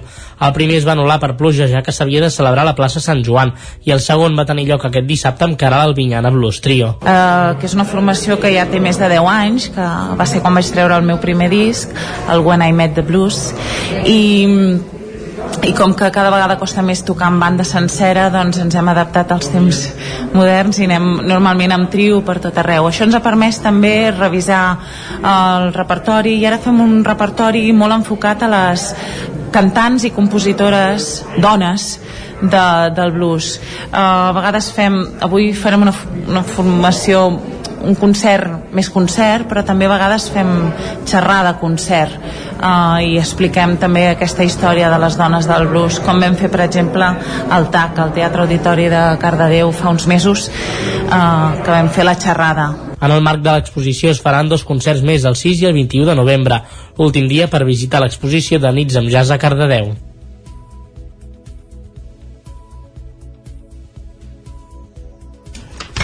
Més qüestions. Després de 10 dies i 11 actuacions, diumenge va acabar el Festival de Jazz de Vic, que s'ha pogut acostar bastant a la normalitat després de l'edició de l'any passat, marcada per la pandèmia. Del segon cap de setmana en destacava la presència dels islandesos ADHD, que han compartit el protagonisme internacional amb els escandinaus Atòmic. L'actuació que tancava el festival diumenge va a càrrec del Bacreta Group. L'escenari exterior de l'Alhambra Festival Jazz de Vic, a la plaça del Carbó, acollia aquest diumenge l'última de les 11 actuacions que ha programat el certamen des del dia 7 d'octubre. El festival el tancava la trompetista i cantant Alba Careta, liderant la formació que comparteix amb Lucas Martínez al saxo, Roger Santacant al piano, Josep Icampisi al contrabaix i Josep Cordovès a la bateria. Tornaven a Vic amb Malades, el segon disc en solitari d'Alba Careta, del que van fer la primera presentació en el marc del Mercat de Música Viva de Vic de l'any passat. Escoltem Alba Careta. Aquest segon disc doncs, és un recull de totes composicions meves que vaig fer mentre estava vivint a Holanda i vaig mesclar això amb música catalana, que al final és com el que trobava a faltar, no? la meva terra i tot això. Combinant concerts a l'interior i a l'exterior de la Jazz Cava, l'Alhambra Festival Jazz de Vic ha recuperat el format original, centrat en les noves tendències dins del jazz internacional i de l'escena catalana, després de l'edició de circumstàncies de l'any passat a causa de la pandèmia. La valoració d'aquesta edició és molt positiva, amb 800 persones de públic i havent exaurit les entrades a la meitat de les actuacions programades. Ho explica Jordi Casadesús, director del festival.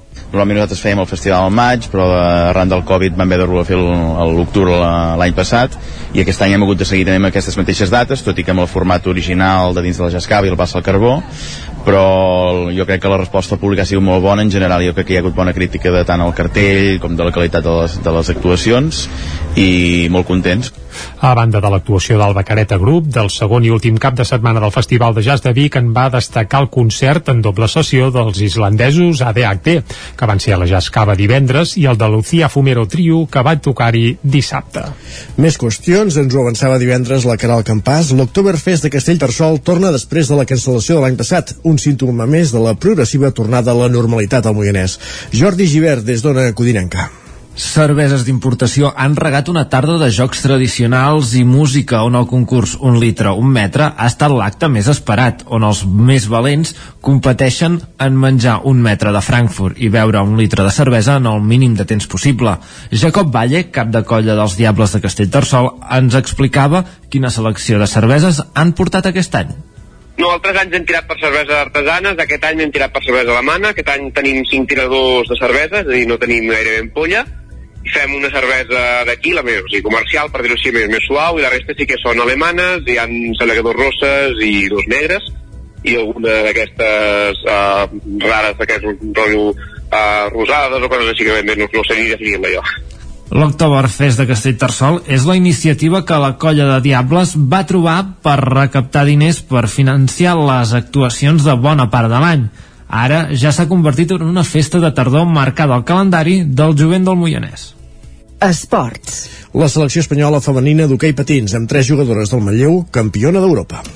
La manlleuenca Anna Casa Ramona, capitana de l'equip, recollia la Copa dissabte després que el, convidat, que el combinat, volem dir, estatal, superés a Portugal a la final per 5 gols a 3. Els gols els van marcar Sara Roces per partida doble, Aina Florenza, Marta Piquero i Laura Puigdueta. De la selecció estatal també en formaven part Ona Castellví i Anna Ferrer, companyes de Casa Ramona al Martinelli Club Patí Manlleu, i també hi havia el preparador físic Jordi Marino de Centelles, integrant del cos tècnic. I encara a l'apartat esportiu hem d'explicar que ha mort als 69 anys l'enginyer de motos Josep Maria Rovira Peixau. Gurbatà de naixement es va establir a Torelló, on durant 42 anys va tenir el seu negoci Motis, Motos Peixau, però Peixau va ser conegut sobretot perquè va treballar amb campions del motor com Toni Arcarons o Àlex Cribiller. També va ser director tècnic a Gas Gas i a Xerco, formant part d'equips que van aconseguir campionats d'Espanya, d'Europa i del món. I arribats aquí fem una aturada en el relat informatiu, anirem tot seguit a la previsió meteorològica.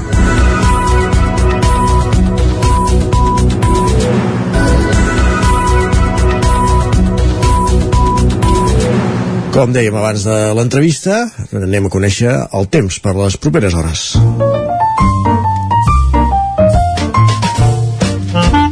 Casa Terradellos us ofereix el temps.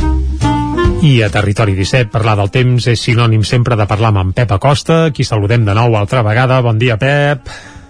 Hola, Hola, hola. molt bon dia. I bona hora. Les mínimes han pujat uns dos graus respecte ahir, fins i tot 3, eh, molt suaus, no fa gaire fred, i tenim més núvols cap a la zona del peritoral central, sobretot tenim més núvols, però que es aniran desfent el pas de les hores. Són núvols eh, degut a que hi ha molta més humitat, eh, també amb boirines, eh, mala visibilitat, eh, això, tot això és degut a aquests vents de sud que tenim avui. De cara al migdia, algun d'aquests núvols es farà, però encara hi haurà bastanta mala visibilitat, a més, eh, fa dies que s'ha estancat, hi ha contaminació, un panorama no molt agradable de veure durant aquests eh, dies. I la temperatura al migdia també pujarà eh, un o dos graus, màximes de 24 a 25, algun 26 i tot. Mm. Ja veieu eh, que no, no s'acaba d'imposar la tardor, eh, avui me, encara menys amb aquests vents de sud, eh, una situació que no m'agrada gens, perquè el bon temps sempre és uh, uh, uh, jo sempre dic, eh, bon temps és el temps que ha de fer i ara no toca això, eh? ara ja toca més fred, toca puja, toca moviment meteorològic, és que fa molts dies que ho dic i no, no, no hi ha manera. Però bueno, algun dia altre segur que alguna cosa passarà. Però de moment no, no, no, no hi ha manera. Com deia avui, més suavitat ara matí forces núvols, molts núvols baixos, gràcies a contaminació, molta humitat, un, un temps una mica estrany per aquestes dates, temperatures més altes i també de cara a migdia eh, més calor, més calor he dit, eh? Algun, uh, algun lloc farà calor migdia, les temperatures molt suaus i menys núvols cares, es faran una mica, però tot i això, cap al prelitoral continuarà la nubositat durant forces hores del dia. I això és tot. Uh, disfrutar com es pugui del dia d'avui i demà uh, veurem si hi ha un canvi més, sembla que s'acosta un canvi vent de nord, Aviam. però bueno, ho anirem rectificant els pròxims dies. Moltes gràcies, fins demà. Fins Adeu. Adeu. La tardor no acaba d'arribar, eh, Isaac? No, aquesta tardor uh -huh. amb bonança. O, o, bueno, bonança no, no, perquè és el que diu en Pep, el bon temps és el que ha de fer. Bueno, el bon temps hauria de ser fer el temps que toca a l'època de l'any que toca i ara mateix estem més a la cua de l'estiu que no pas a l'entrada de la tardor meteorològicament parlant. Una cua que s'hi llarga. Vinga, va. Parlant del que toca, ara el que toca és anar cap a l'entrevista per això, eh? Som-hi, va. Doncs anem-hi. Casa Tarradellas us ha ofert aquest espai. Territori 17. Envia'ns les teves notes de veu per WhatsApp al 646 079 023. 646 079 023. WhatsApp Territori 17.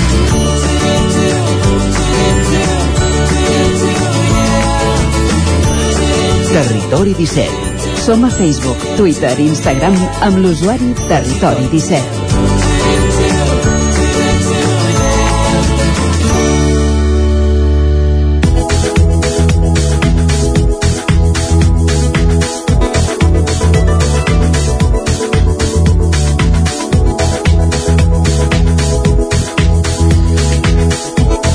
Doncs, com dèiem avui a l'entrevista, ara passa un minut d'un quart d'onze i és moment de parlar d'una app, de l'app Identify. Quatre veïns de la Garriga han creat aquesta app per descobrir el patrimoni artístic, històric i arquitectònic de les ciutats del món a través d'un telèfon mòbil. Òscar Muñoz, des de Ràdio Televisió de Cardedeu, bon dia.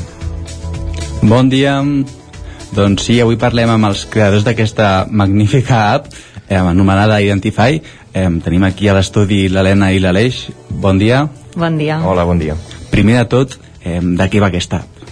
Què, què ens permet fer?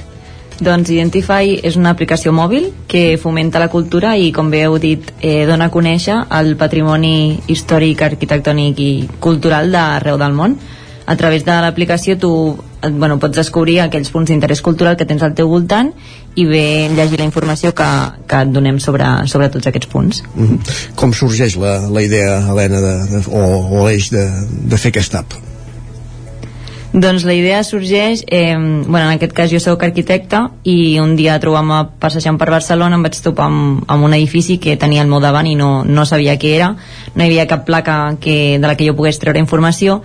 Llavors arreu d'aquesta curiositat o dubte vaig pensar si jo amb els mínims coneixements no sé què és allò que estic veient, potser aquesta sensació també li passa a altres persones i amb aquest neguit els hi vaig comentar a, bueno, a la resta de l'equip i mm, a mida de portar cadascú les seves idees doncs vam crear el que és avui Identify que no només reconeix edificis sinó que mm, bueno, et dona informació sobre tot allò que sigui de, de caire cultural mm -hmm.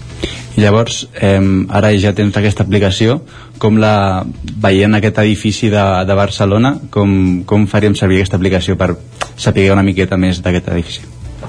Bueno, a, a l'aplicació constem d'un mapa al qual hi ha tots aquests punts uh, geo, geolocalitzats. És a dir, tenim una base de dades de més de 300.000 punts culturals, específicament culturals, i l'usuari, a partir de la geolocalització, el situem en un mapa i es troba a tots aquests punts doncs, al seu voltant. Un cop s'acosta a un d'ells, a un radi de 100 metres, té l'opció d'identificar-lo i així poder obtenir la informació, una foto, una, un detall general, com podria ser l'arquitecte, l'any de construcció, i pot conèixer una mica més a tots aquests edificis. Per tant, entenc que és tot a través de, de geolocalització, no és allò que tu poses una foto d'un edifici i te'l busca, no és aquest eh, el funcionament? No, no, és tot a, a partir de, geolocalització, de geolocalització, sí. Tenim la latitud i la longitud de, de tots els punts i els situem en un mapa. Uh -huh. Quina informació podem trobar de cada punt turístic?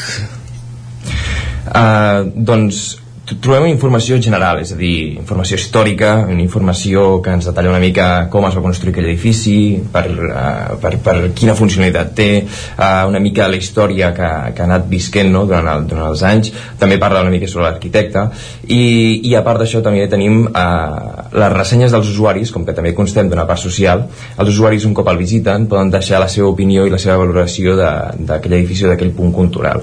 D'aquesta manera, uh, un cop tu visites un, un punt d'aquests pots veure i, i, i una mica descobrir no, l'opinió de, dels usuaris estem parlant dels usuaris que hem vist també que hi ha com un perfil d'ambaixador local que seria, quina funció té aquest ambaixador local eh, dins d'aquesta aplicació? Doncs l'ambaixador el que volem crear aquest perfil de persona és un usuari que conegui la, bueno, el lloc on viu generalment i que vulgui posar en valor aquells llocs que passen desapercebuts molts cops quan, quan estàs allà visitant-lo. Llavors el que faria aquest usuari és incorporar mm, punts i validar la informació que hi ha a dia d'avui mm, publicada a l'aplicació i afegir ja sigui imatges o més informació o altres punts llavors amb això aconseguim és que la pròpia gent que hi viu sigui la que dona a conèixer el, el seu poble i alhora és la que millor coneix per tant sempre quan anem de viatge o quan vas a comprar alguna cosa et deixes guiar pel que opina la gent no? doncs què millor que algú que hi viu que et pot recomanar el més interessant o allò que no et vols perdre i actualment la base de dades que, que teniu eh, ja han, els creat, o sigui, ja els ambaixadors locals han, han creat com contingut diguem, dins d'aquesta aplicació o vosaltres també heu anat afegint nosaltres a la base de dades estem en constant actualització perquè uh -huh. al final eh, no ens volem quedar aquí, volem tenir cada cop més informació i arribar a, cada cop a, a tenir pues, a més països. Bueno, realment constem en quasi tots els països del món. Els punts eh, que tenim estan bastant centrats en Europa però igualment tenim presència en tots els continents. Eh, realment la figura d'ambaixador local encara l'estem treballant, encara estem parlant amb, amb, els, amb les primeres persones i estem treballant amb una actualització que just sortirà aquest mes que tindràs la possibilitat de, tu com a usuari final, eh, poder afegir i proposar-nos punts que, que hi hagi pel teu voltant. Perquè ens hem trobat que òbviament en ciutats grans doncs, tens molts punts, com mm -hmm. podria ser Barcelona, Vic en aquest cas també tens bastants punts, tens entre 40 i 50 punts però òbviament no ho abarquem tot no, en aquest cas I, i si els usuaris poden proposar els seus propis punts i poden donar-los la seva informació eh, és un punt de valor important que nosaltres volem afegir a, a l'aplicació uh -huh. Ja ho ha respost ara una mica eh, de totes maneres és això no només hi ha els punts turístics de, de les grans ciutats no? sinó que és una eina eh, amb visió global i local alhora perquè comentaves que hi ha com 50 propostes de Vic entenc que hi poden haver propostes d'arreu del territori no només la capital, per entendre'ns, eh? Exacte, sí. El, nosaltres el, un dels objectius és mm, desmassificar, el, bueno, o sigui, descentralitzar el turisme de masses i donar al turista o al visitant més opcions per visitar.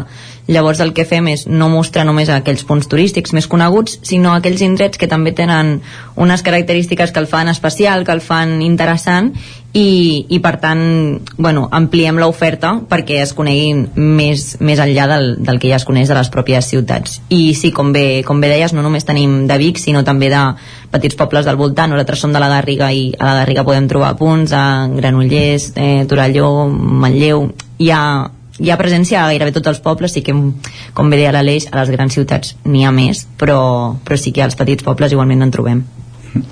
A part de descobrir nous llocs, què més hi podrem fer en aquesta aplicació? Uh, a part de, dir, de, per una banda tenim tot el que és el mapa, el que estàvem Mhm. comentant, i per altra part tenim una part social, una red social. O sigui, nosaltres creiem que la comunicació entre persones, i més entre, en aquest cas, turistes, viatgers o gent interessada per la cultura, és essencial, perquè al final és, és informació que, que, que és necessari que es comparteixi.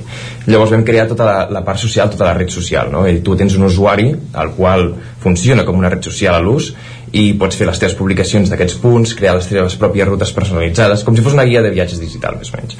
Uh, seguir a aquests usuaris eh, també tens un xat que pots interactuar amb ells eh, bueno, bàsicament pues, totes les funcions que té una, una part social però a la vegada tens l'eina aquesta de poder descobrir els punts a partir d'un mapa interactiu Com està funcionant a nivell de, de descàrregues? Veig que només la teniu a, Android, diguéssim, no, no hi ha versió d'Apple? En aquest cas només està en Android. Sí. Uh, ens falta... Bueno, just estem buscant finançament per, per poder desenvolupar-la per, les, per la plataforma iOS. Si des Walkie ja ens està escoltant i vol contactar amb nosaltres Fem una crida. Encantats. Exacte. Uh, perquè bueno, al final uh, per recursos uh, vam tirar per desenvolupar-la per la plataforma Android i, i el, les promocions que hem estat fent han sigut totes de manera orgànica. No, no hem tingut encara cap promoció de màrqueting pagada i hem tingut un, un retorn jo crec que bastant bo, millor del que ens esperàvem. Teníem aproximadament entre unes 550 600 descàrregues que això es transforma en uns 400 usuaris eh, reals. Activament estem parlant de entre uns 20 entre 20 i 50 usuaris actius ma- setmanalment, mensualment podem, ens en podem anar ja a 100, 120 i, i estem bastant contents de, del, de la raó que estem tenint. Òbviament quan comencem les campanyes eh, oficials de màrqueting tenim pensat arribar a un gran públic però òbviament d'això mm, és necessari eh, diners i finançament. Bones sensacions a la, al Play Store. I també o sigui, veu presentar eh, expliqueu-nos una miqueta veu presentar aquest, la- l'aplicació al Mobile World Congress com és aquesta experiència i com veu poder accedir en aquest eh, aparador tan gran com és el mobile Doncs per nosaltres va ser la millor manera de començar. Vam fer coincidir just el llançament de l'aplicació una setmana abans de la Fira del Mobile. Vam aprofitar que havíem estat durant aquell, al principis d'any, a, a un programa de Barcelona Activa. Llavors, per haver quedat entre els finalistes, donaven l'opció de poder participar en l'esdeveniment del For Years For Now, que es fa dins de la Mobile World Congress, que és precisament per startups i gent que comença per donar-se a conèixer. Llavors vam estar allà els quatre dies de la fira. El primer dia vam, vam poder tenir l'oportunitat de fer un pitch de, davant de més de 40 persones i bueno, tant inversors com públic final com entitats eh, relacionades amb l'esdeveniment i vam poder presentar l'aplicació allà. Va ser per nosaltres la millor manera de començar no, no ens ho esperàvem. I també va ser l'impuls que, que necessitàvem per, per ja arrencar la, la campanya i que ens coneguessin Molt bé, uh, Helena i Aleix, moltíssimes gràcies doncs, per donar-nos a conèixer aquesta aplicació Identify, per ara només a- al Play Store, per conèixer més detalls de, de punts turístics d'arreu del món i de ciutats de- d'arreu, com dèiem, no, no només les grans ciutats. Gràcies per ser avui al Territori 17. moltes gràcies moltes gràcies I gràcies també, Òscar, per acompanyar-nos. Nosaltres, ara que falta 3 minuts i mig per dos quarts d'onze, eh, farem una petita pausa i continuem al territori 17 amb les piolades amb l'Òscar Muñoz, que ja el tenim a punt, i anirem a la taula de redacció, avui en companyia de Miquel R i de Txell Vilamala. Parlarem del Festival de Jazz de Vic, que acabava diumenge, i també d'aquesta cursa integrada que es va fer dissabte a la ciutat de Vic. Serà d'aquí 3 minuts. Tornem ara mateix.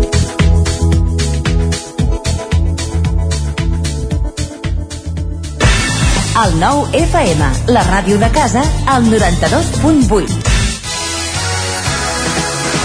Ja tens la teva disfressa de Halloween? A Manli tenim les més terrorífiques. Vine a buscar caretes i tots els complements que et calguin per passar una nit de por. Ens trobareu al carrer de Ramon Soler número 1 de Vic i també a manli.cat. A Manli fem de la festa una bogeria. Vols noves sensacions en un ambient dels anys 80? Vine al restaurant 80's Spirit Peak. Emocions i bon menjar. Costelles amb salsa de barbacoa, 8 tipus d'amanides, hamburgueses 100% de carn de vedella, carn a la brasa, pollastre, plats combinats, varietat en tapes, hamburgueses per a vegans i vegetarians... Disposem de terrassa amb un ambient acollidor. Descomptes especials per a universitaris. 80's Spirit Peak. Ens trobaràs a la plaça de la Pietat 2 de Vic. Reserves al 93 679 44 43. El 23 i 24 d'octubre, la castanya torna a ser protagonista de Viladrau. Arriba la 26a Fira de la Castanya, una mostra única i sorprenent al voltant de la castanya, la tardor i el territori. Podràs gaudir d'espectacles familiars, cultura popular o tallers i endinsar-te al bosc per descobrir l'espectacular tardor del Montseny amb les visites guiades per veure els castanyers. I si tens gana, apunta de la degustació de tapes amb els restaurants de Viladrau. Aquest any estrenem connexions amb bus per pujar a la fira amb transport públic. El 23 i 24 d'octubre, Fira de la Castanya de Viladrau. Consulta totes les activitats a viladrau.cat. Cobertes serveis funeraris. Els nostres tanatoris estan ubicats en els nuclis urbans més poblats de la comarca d'Osona per oferir un millor servei. Tanatori de Vic, Tanatori de Manlleu, Tanatori de Centelles i Tanatori de Roda de Ter. Sabem que són moments difícils i per això el nostre compromís és atendre-us en tot moment amb un tracte humà, sensible i respectuós. Cobertes serveis funeraris. Telèfon 24 hores 93 883 23 46. Cocodril Club. Si t'agrada la bona música dels anys 60, 70 i 80, escolta el 9 FM als matins de dissabtes i diumenges d'11 a 1. És el temps del Cocodril Club, tot un clàssic de la ràdio, amb les bases del pop-rock, les llegendes, les cançons que s'han convertit en autèntics himnes. Recorda, dissabtes i diumenges al matí, d'11 a 1, al 9 FM 92.8. Cocodril Club, el programa revival de l'Albert Malla. Hasta luego, cocodrilo. Anuncia't al 9FM. La màquina de casa. 9 3 8 8 9 4 9 4 9. Publicitat arroba al 9FM.cat. Anuncia't al 9FM. La publicitat més eficaç. El 9FM. El 9FM. El 9FM. Territori 17. Avui direm bé, són dos quarts d'onze.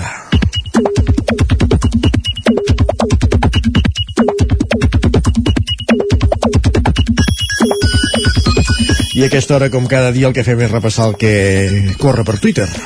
Amb en Guillem Sánchez. Bon dia, Isaac. Bon dia, Jordi. En Guillem, que ja el tenim aquí i a dos quarts d'onze. Avui sí, eh? Correcte. Bé, sempre arriba a dos quarts d'onze, Sí, evidentment. jo sí, jo no canvio d'hora.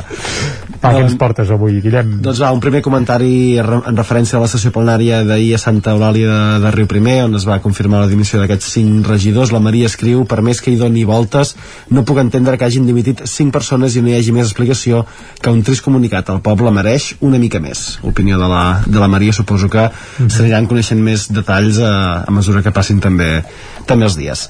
Uh, canviem de tema. Ser una persona rellevant té els seus avantatges però també algun inconvenient i recordem, per exemple, un dels cromos de l'edició d'aquest dilluns del 9-9 d'Osona i el Ripollès és bo queda. informava que si el divendres algú es va creuar pels túnels de barracons amb un cotxe amb una bossa d'escombraries penjada a cada, a cada re- retrovisor aquest era el músic manlleuenc Roger Usar que va sortir amb elles per acostar-se als contenidors i se'n va oblidar doncs la xarxa és tan màgica que el mateix Roger Usart ha contestat.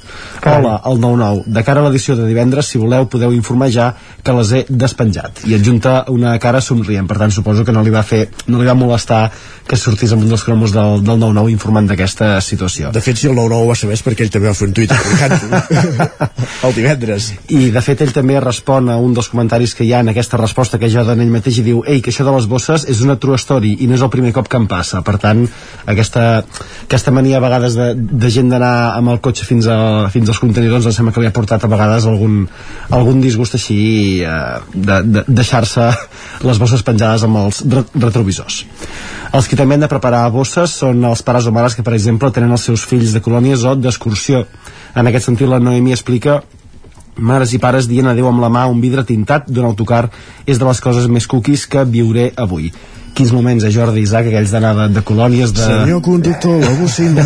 Eh, vinga, alegria. I ara va dir, no sé si més alegria per als, per als nens o més alegria per als pares i mares que es queden un dia o dos sense, sense els nens a casa. Això ja, ja és de l'opinió de, de cadascú, no? No, ja et dic jo que els pares sovint celebren molt més que els fills, sobretot quan són petits, que alguns eh, no li fa gaire gràcia, doncs això, el, les colònies. Per tant, eh, recomanem a la gent això, eh, que vagi a fer colònies i, I tant, que, i tant. i que si es poden quedar a dormir una nit a fora ho aprofitin I si són dues, dues. I ara va, un dubte que té un professor, a veure si el podeu ajudar. Diu, aquesta tarda, gimnàs o corregir i avançar feina, feina que cal avançar de forma imminent. Pau física o pau espiritual? Cal tenir en compte que tinc el dit petit del peu mig trencat. No sé què li recomanaríeu El, que- aquest el que professor. està demanant a Cris és que tothom li diguis que di a casa com els exàmens, però ell eh, eh, no vol prendre la iniciativa per ell mateix. Correcte. I tot i ser no, ja... el que li fa mandra anar al gimnàs, bàsicament, també, és també això. correcte. I tot i ser ja dimarts, alguns encara recorden que ahir era dilluns, primer dia laboral per a la gran majoria de persones. L'Eric, per això, ho va poder suportar una mica millor. Explica, els dilluns són menys dilluns si no trobes ningú al cinema. No sé si fa molt temps que aneu al cinema, si, Home, si jo no, però... en dilluns pràcticament no recordo haver-hi anat mai. Home, en, entrar en una sala a veure una pel·lícula sol també ha de, ha de, ha de tenir el seu què? Sí, però té la seva gràcia. I tant, això sí que m'havia passat. Jo, jo, jo el que també m'ha passat és estar sol en una sala i que entra una sola persona i que se t'assegui al costat. Dius, home, perdó, és prou gran la sala, eh? Potser volia comentar la, la pel·lícula amb tu, Isaac, per això... No ho sé. doncs va, recuperem ara la secció històries i comentaris de nens, ens ho exposa la Gio, diu, el meu fill jugant a la Play amb un valencià. La veritat és que no sé com pot derivar el joc en aquesta conversa. El valencià diu, el valenciano nació antes que el catalán, i el meu fill li respon, llavors per què es diuen països catalans en comptes de països valencians? Converses i reflexions d'aquelles de de nens que sempre, sempre fan gràcia. I entrem ara a la secció gastronòmica de les piulades. Tres preguntes molt ràpides que m'heu de respondre Jordi Isaac amb un Ah. sí o amb un no. Va. L'Enric diu, sou dels que escureu l'arròs amb pa o considereu que és un sacrilegi? Sí. Sí? Sí, no, no que si és un sacrilegi, sinó que jo sóc dels que suco el que faci falta. Perfecte. Segona reflexió, la d'en Miquel diu, el camagroc és un bolet enormement infravalorat. Com ho valoreu, això, vosaltres? Torni, torni. El camagroc és un bolet enormement infravalorat. Per tant, que s'haurien de fer més coses amb, amb camagrocs. Home, eh, les truites són excel·lents. Jo sóc un gran fan dels camagrocs, que jo n'hi dic rossinyols de vi, no sé vosaltres, Jo eh? aquí faig un voltal perquè ja et dic ara No. que no sóc boletaire. Val, no, doncs jo sí i força. I el rossinyol de pi per mi és un dels més apreciats i a més són dels que quan no n'hi ha gaires de, dels altres, doncs un rossinyol de pi sempre hi ha algun raconet que saps que en trobes i mira, menys no marxes amb el cistell buit. I la tercera, la de la Laia, va, diu, jo només volia berenar fruita però he topat amb els panellets de la mama. Ara què faig? No, no hi ha, no hi ha, no hi ha dubte, no hi ha debat. Clar, és que això, on hi hagi un panellet... que no s'hi posi res més. Aquests són de Va, hi ha persones que aquí el mes d'octubre se'ls està fent molt llarg i pesat. L'usuari de llibre així ho confirma. Diu, demà m'he proposat tornar al gimnàs. Una cosa més en el que fracassar per rematar un mes lamentable. Però el més important, si el mes és lamentable, és assumir-ho directament. Per això acabem amb la reflexió d'en Roger, que diu a mi aviseu-me quan facin el càsting de El joc del vago, que així segur que em forro. Molt bé, doncs, Ben assumit, tu. Ben doncs que es forri. Gràcies, Guillem. Molt bé. Jordi, ràpidament a, a repassar portades digitals del Vinga, nou.cat. al 99.cat, ara mateix a l'edició del Vallès Oriental, obre explicant que el comerç de Llinars del Vallès reivindica les compres de proximitat i ho fa amb una fotografia on es veu tanquem per desesperació perquè tries consumir fora de Llinars. Conclusió, gent que ens escolteu des de Llinars, compreu al poble. També expliquen que els catarres es despullen en un llibre sobre els seus 10 anys de trajectòria, ens en van fer ressò la setmana passada aquí a Territori 17, cal dir que es despullen metafòricament, eh? tèxtilment van vestits, i Kerbes del Portalet de Granollers obre a Sant Celoni la seva segona botiga. Anem a l'edició d'Osona i el Ripollès, que ara mateix obre amb el judici pel cas de la nena de 4 anys que va morir, morir ofegada a la piscina de Ripoll, un judici que ha arrencat que va Avui, arrencar avui, exacte, ens n'hem fet ressò també a l'informatiu. La reducció d'un 25% del trànsit durant la pandèmia va fer caure la presència d'ozó troposfèric a la plana de Vic en un 10%, i també expliquem que el llegat de Maurici Camproví impregna la Fira de l'Ovella de Ripoll, que va tenir lloc aquest passat cap de setmana. Perfecte, moltíssimes gràcies, Jordi Guillem. Anem ara a la taula de redacció.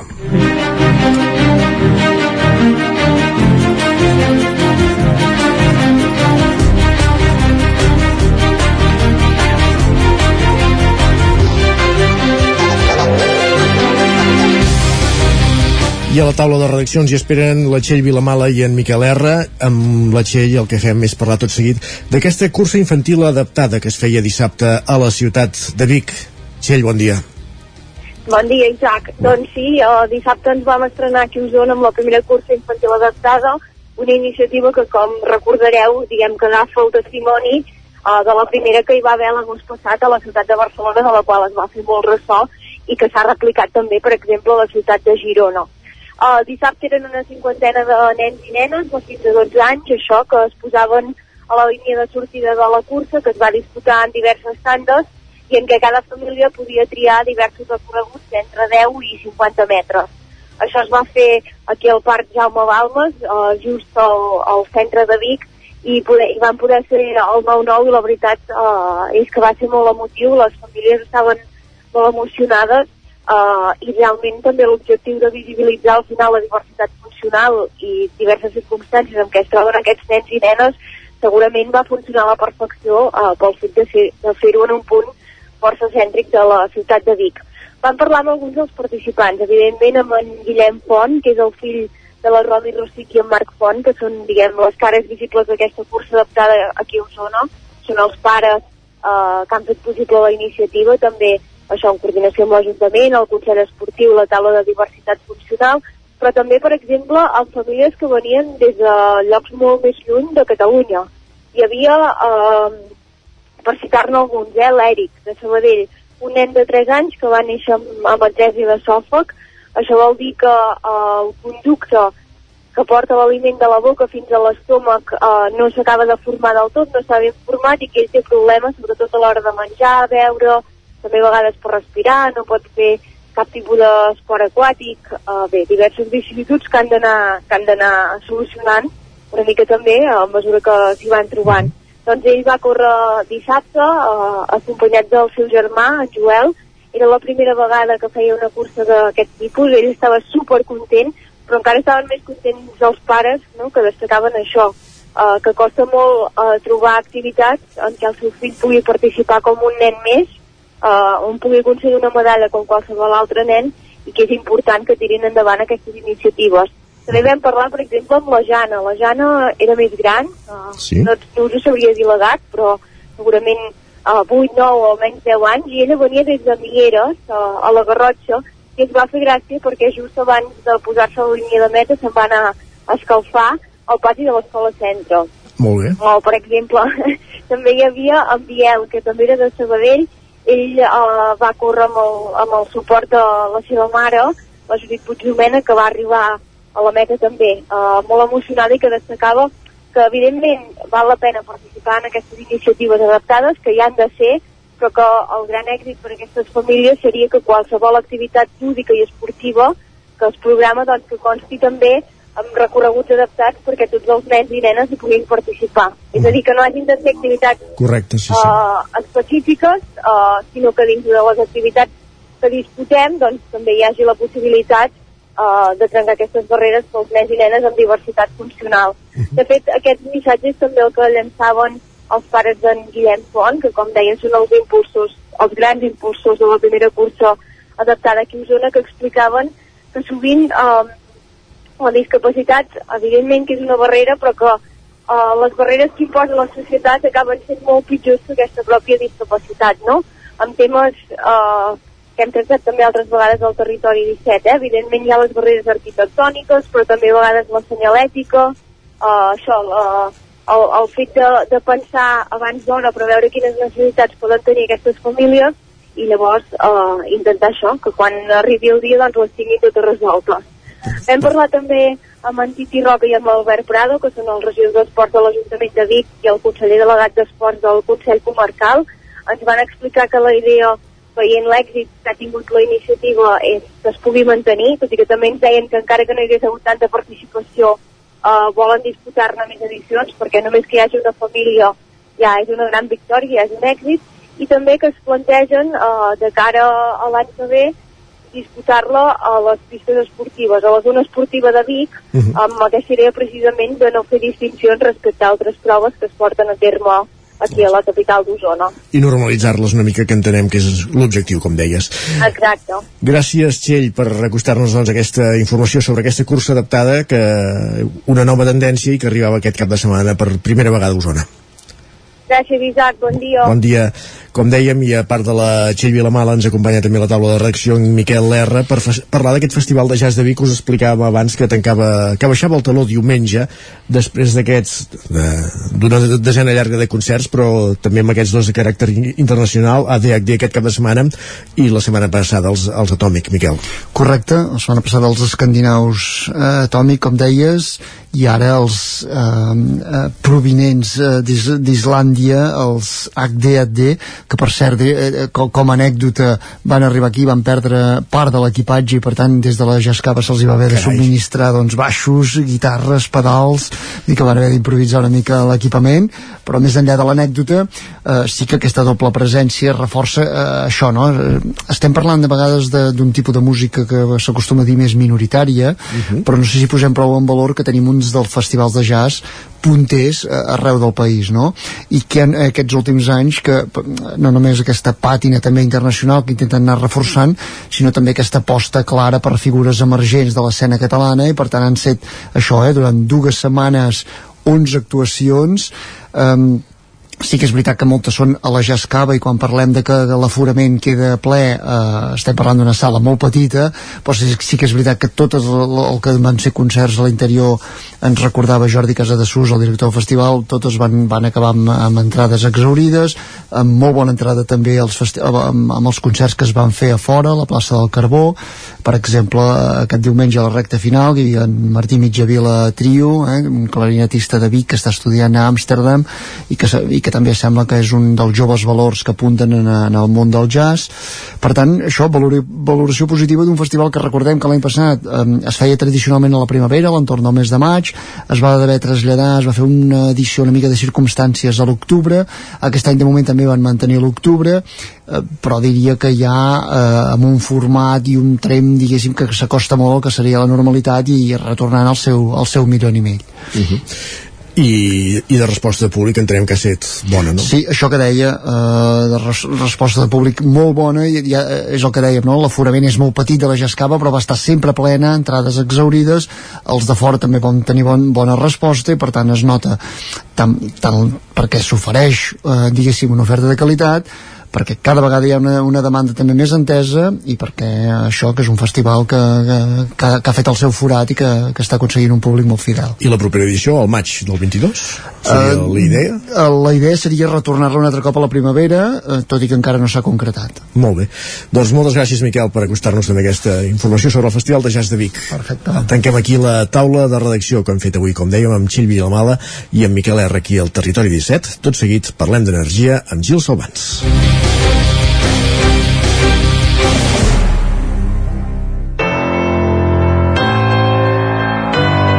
Territori, Territori 17. 17. Territori 17.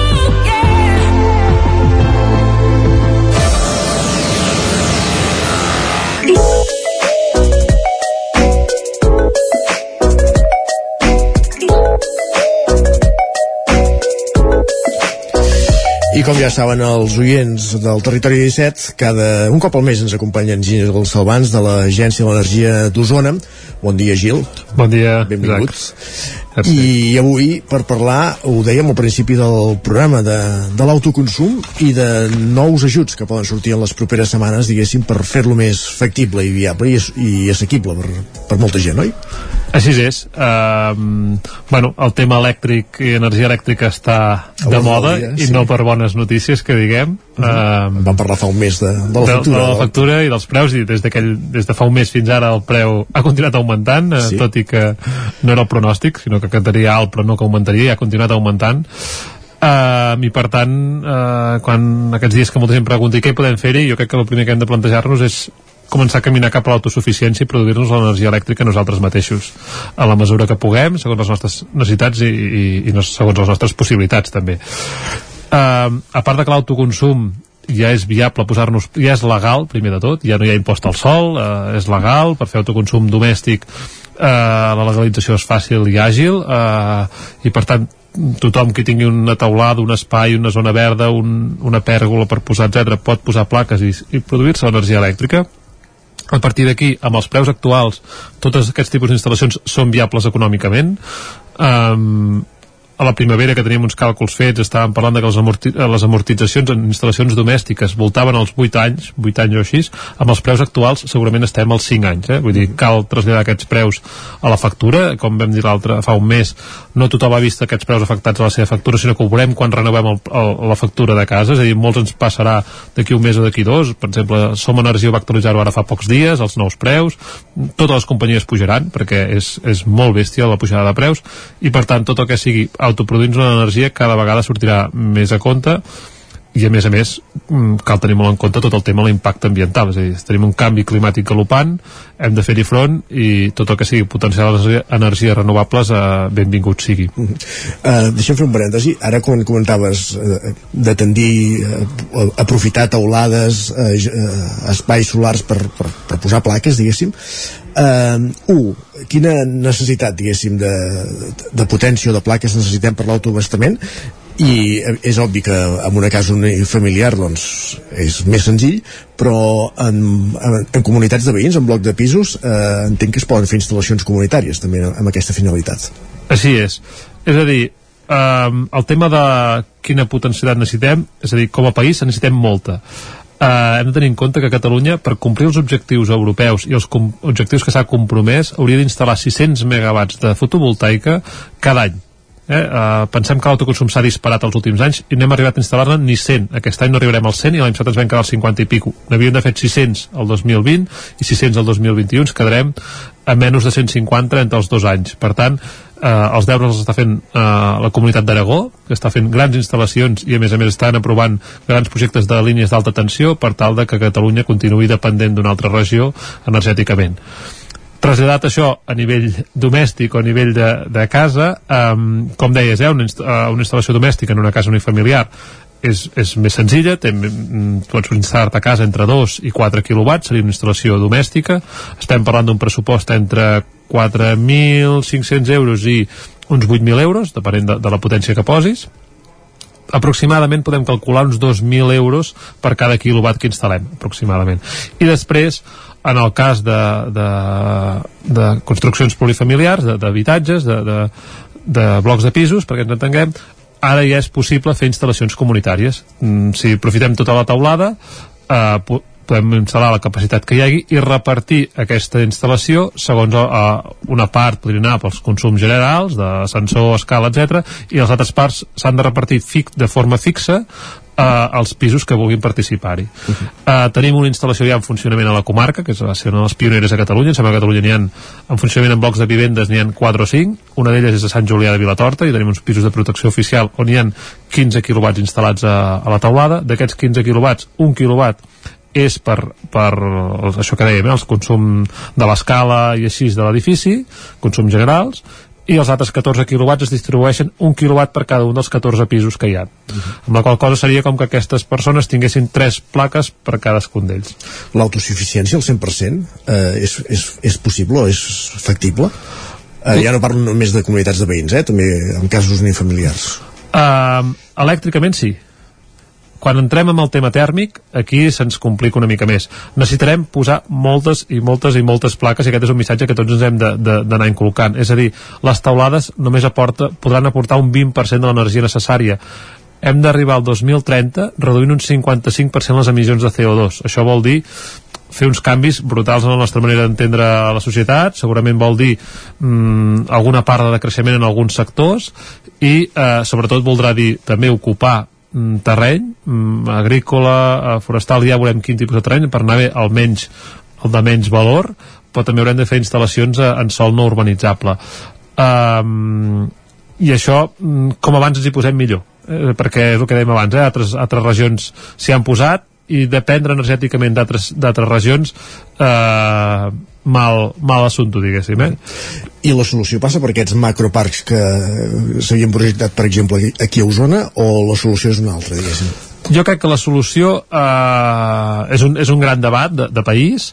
Eh, just ara aquests dies es comença a parlar de que el decret de renovables sortirà el nou decret de renovables que el, el nou govern de la Generalitat va prometre, que el tindria per tots sants i es comença a fer reunions aquests dies per començar-ne ja ha volta, ja ha volta algun esborrany penso que passa per algun macroparc a, a nivell de territori català, eh? s'ha de detectar quines zones són òptimes però sobretot passa eh, autoconsum, autoconsum i autoconsum, indústries, domèstics, etc. Eh, d'això, eh, blocs de vivendes i també eh, passa per crear comunitats energètiques. A Osona algun dia en podem parlar però ja, ja comencen, han començat a caminar cinc comunitats energètiques. A, a Sant Pere Torelló i a Balanyà ja estan creades. A Olost es crearà la setmana que ve.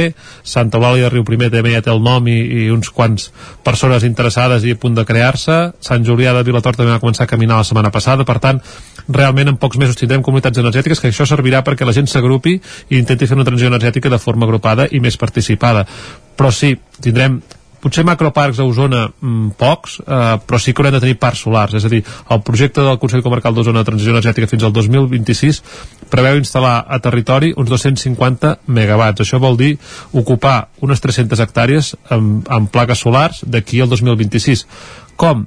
En principi de forma distribuïda, no grans parcs de 100 megas, sinó intentar fer parcs petits de 5 megas, eh, 3-5 megas, distribuïts per tot el territori, que a més a més puguin ser participats per la gent del territori. No sé si té anat eh, fent sortir del guió eh, o, o portaves una mica la, cosa preparada també per parlar del que, de, dels fons Next Generation, de possibles subvencions que poden sortir a partir d'ara, Sí, així és. Eh, jo crec que és un, un, un, un, són unes setmanes importants per totes aquestes persones que es plantegin eh, el tema de l'autoconsum, que com, com he dit, animo tothom a posar-se, a posar-s'hi, a estudiar-ho, a, a fer números, perquè eh, en breu sortiran les subvencions eh, que ja hi ha les bases de les subvencions publicades a, a través d'un d'un Real Decret de, el Real Decret 477 barra 2021 de, de, de l'Estat. Després aquest Real Decret reparteix fons eh, de subvencions a fons perdut amb un volum mai vist, és a dir, Catalunya repartirà eh, ara quan s'obri la convocatòria 114 milions d'euros en, en energies renovables principalment autoconsum, quasi bé 100 milions en autoconsum. Eh, mai hi ha hagut aquesta xifra en, en, en renovables i mai la Generalitat ha gestionat tants diners en, en subvencions de renovables.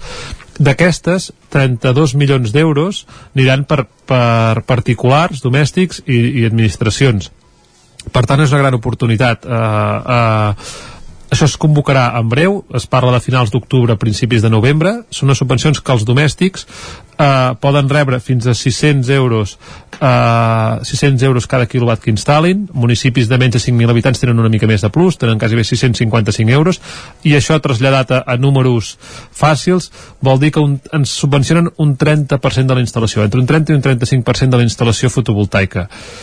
Què vol dir? Que si sumem això als descomptes del 50% d'IBI que tenen la gran majoria de municipis durant 5 anys, que també sol ser un 30 i pico per cent, ara mateix qui es plantegi fer una instal·lació d'autoconsum fotovoltaic pot arribar a una subvenció de quasi el 60%. Recordem que he dit que segurament aquestes instal·lacions les amortitzem en 6 o 7 anys.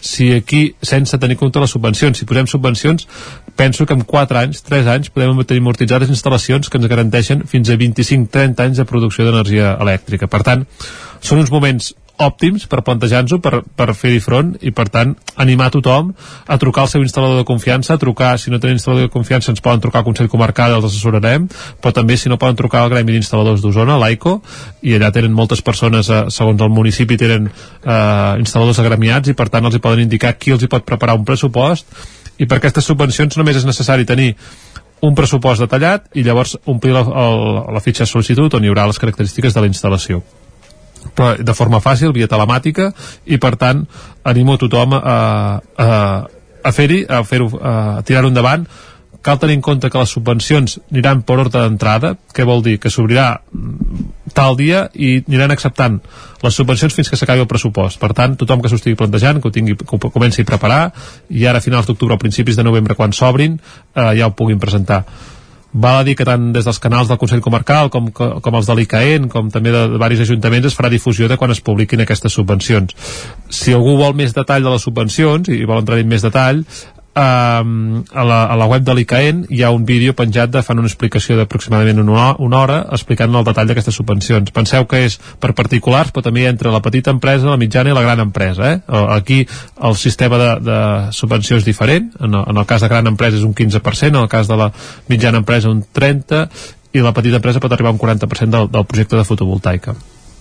Uh, aquesta també és una part important el que comentaves abans, no? La, que la gran empresa també aprofiti els sostres de, la, de les naus industrials i de, i de la superfície que tinguin diguéssim per, per contribuir a, a generar energia no? Aquest és clau, eh? és a dir uh, està molt bé el domèstic i és important que cadascú vagi assumint certs graus d'autosuficiència o elevats graus, eh? perquè fer una instal·lació de 3 kW vol dir que hi ets quasi un 70% d'autònom en energia elèctrica, eh? després queda la tèrmica que podem que l'haurem d'anar electrificant mica en mica, però la indústria té un consum molt més gran que el domèstic i aquest sí que és important.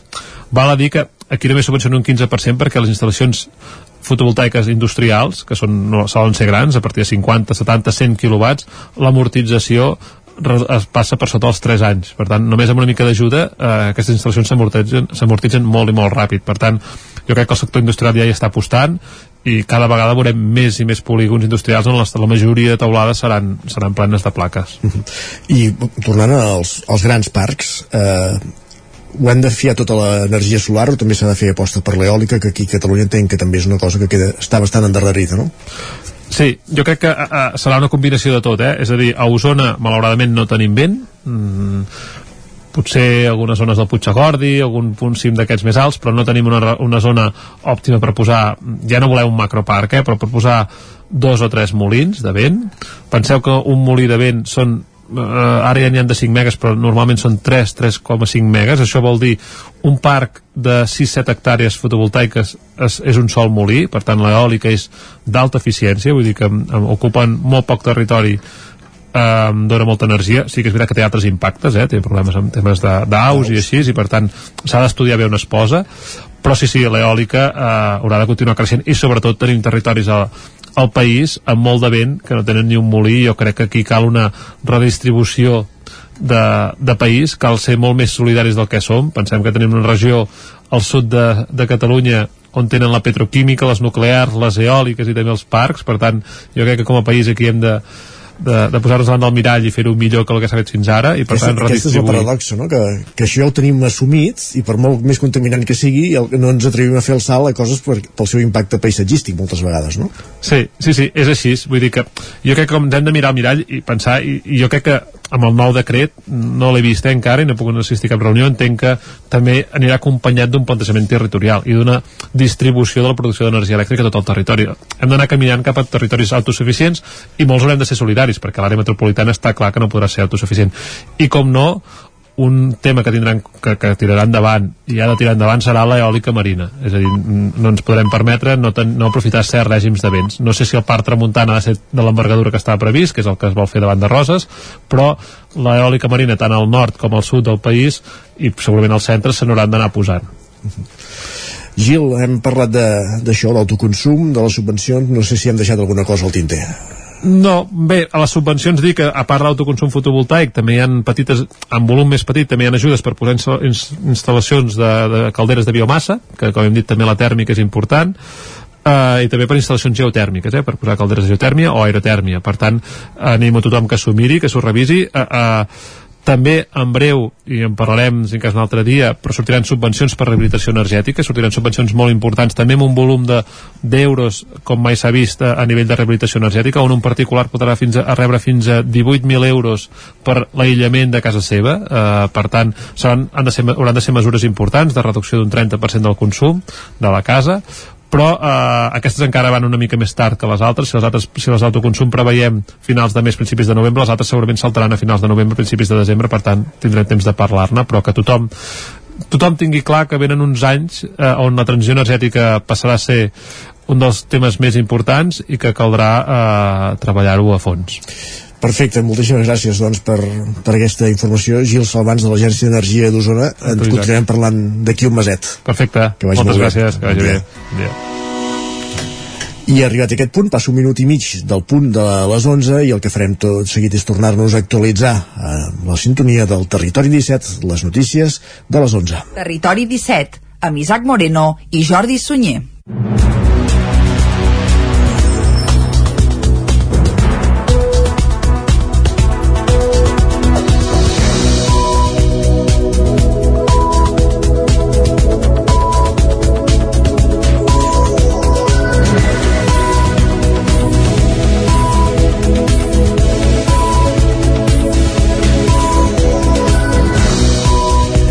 I ens actualitzem com cada hora en companyia d'Isaac Muntades, David Oladell, Caral Campàs i Jordi Sunyer. L'Associació Catalana de Municipis va commemorar dissabte el seu 40è aniversari. L'acte de celebració es va fer a Vic, on l'octubre de 1981 i amb Ramon Muntanyà a l'alcaldia de Vic es van forjar les bases de l'associació. Camins de sopa de cabra, interpretada pel saxofonista usonenc Pep Poblet, obria l'acte del 40è aniversari que l'Associació Catalana de Municipis, la CM, va celebrar dissabte a Vic. Que se celebrés a la capital usonenca no va ser casualitat, i és que el 3 d'octubre de 1981, a la sala de la columna del consistori biguetà, Ramon Muntanyà, el primer alcalde democràtic de la capital usonenca i primer president també de la CM, va teixir les bases. Un moment que autoritats del món local i membres del govern van recordar en l'acte de commemoració que va omplir l'auditori Maria Vila de Badal del Sucre.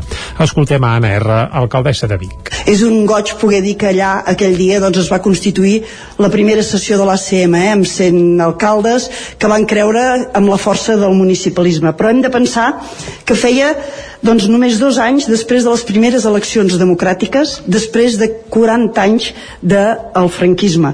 Evidentment, també cal pensar que feia en aquell moment només 8 mesos del cop d'estat del Guàrdia Civil Tejero amb tot aquest context, eh, després de, de tota aquesta situació, l'empenta doncs, del que seria el govern de la Generalitat i, evidentment, agafant aquest encàrrec doncs, el senyor Montanyà i tot el municipalisme, es va crear aquesta primera eh, entitat. Lluís Soler, l'actual president de l'ACM, va parlar dels reptes que entoma a partir d'ara l'entitat vinculats a la transformació del canvi climàtic i a la revolució digital.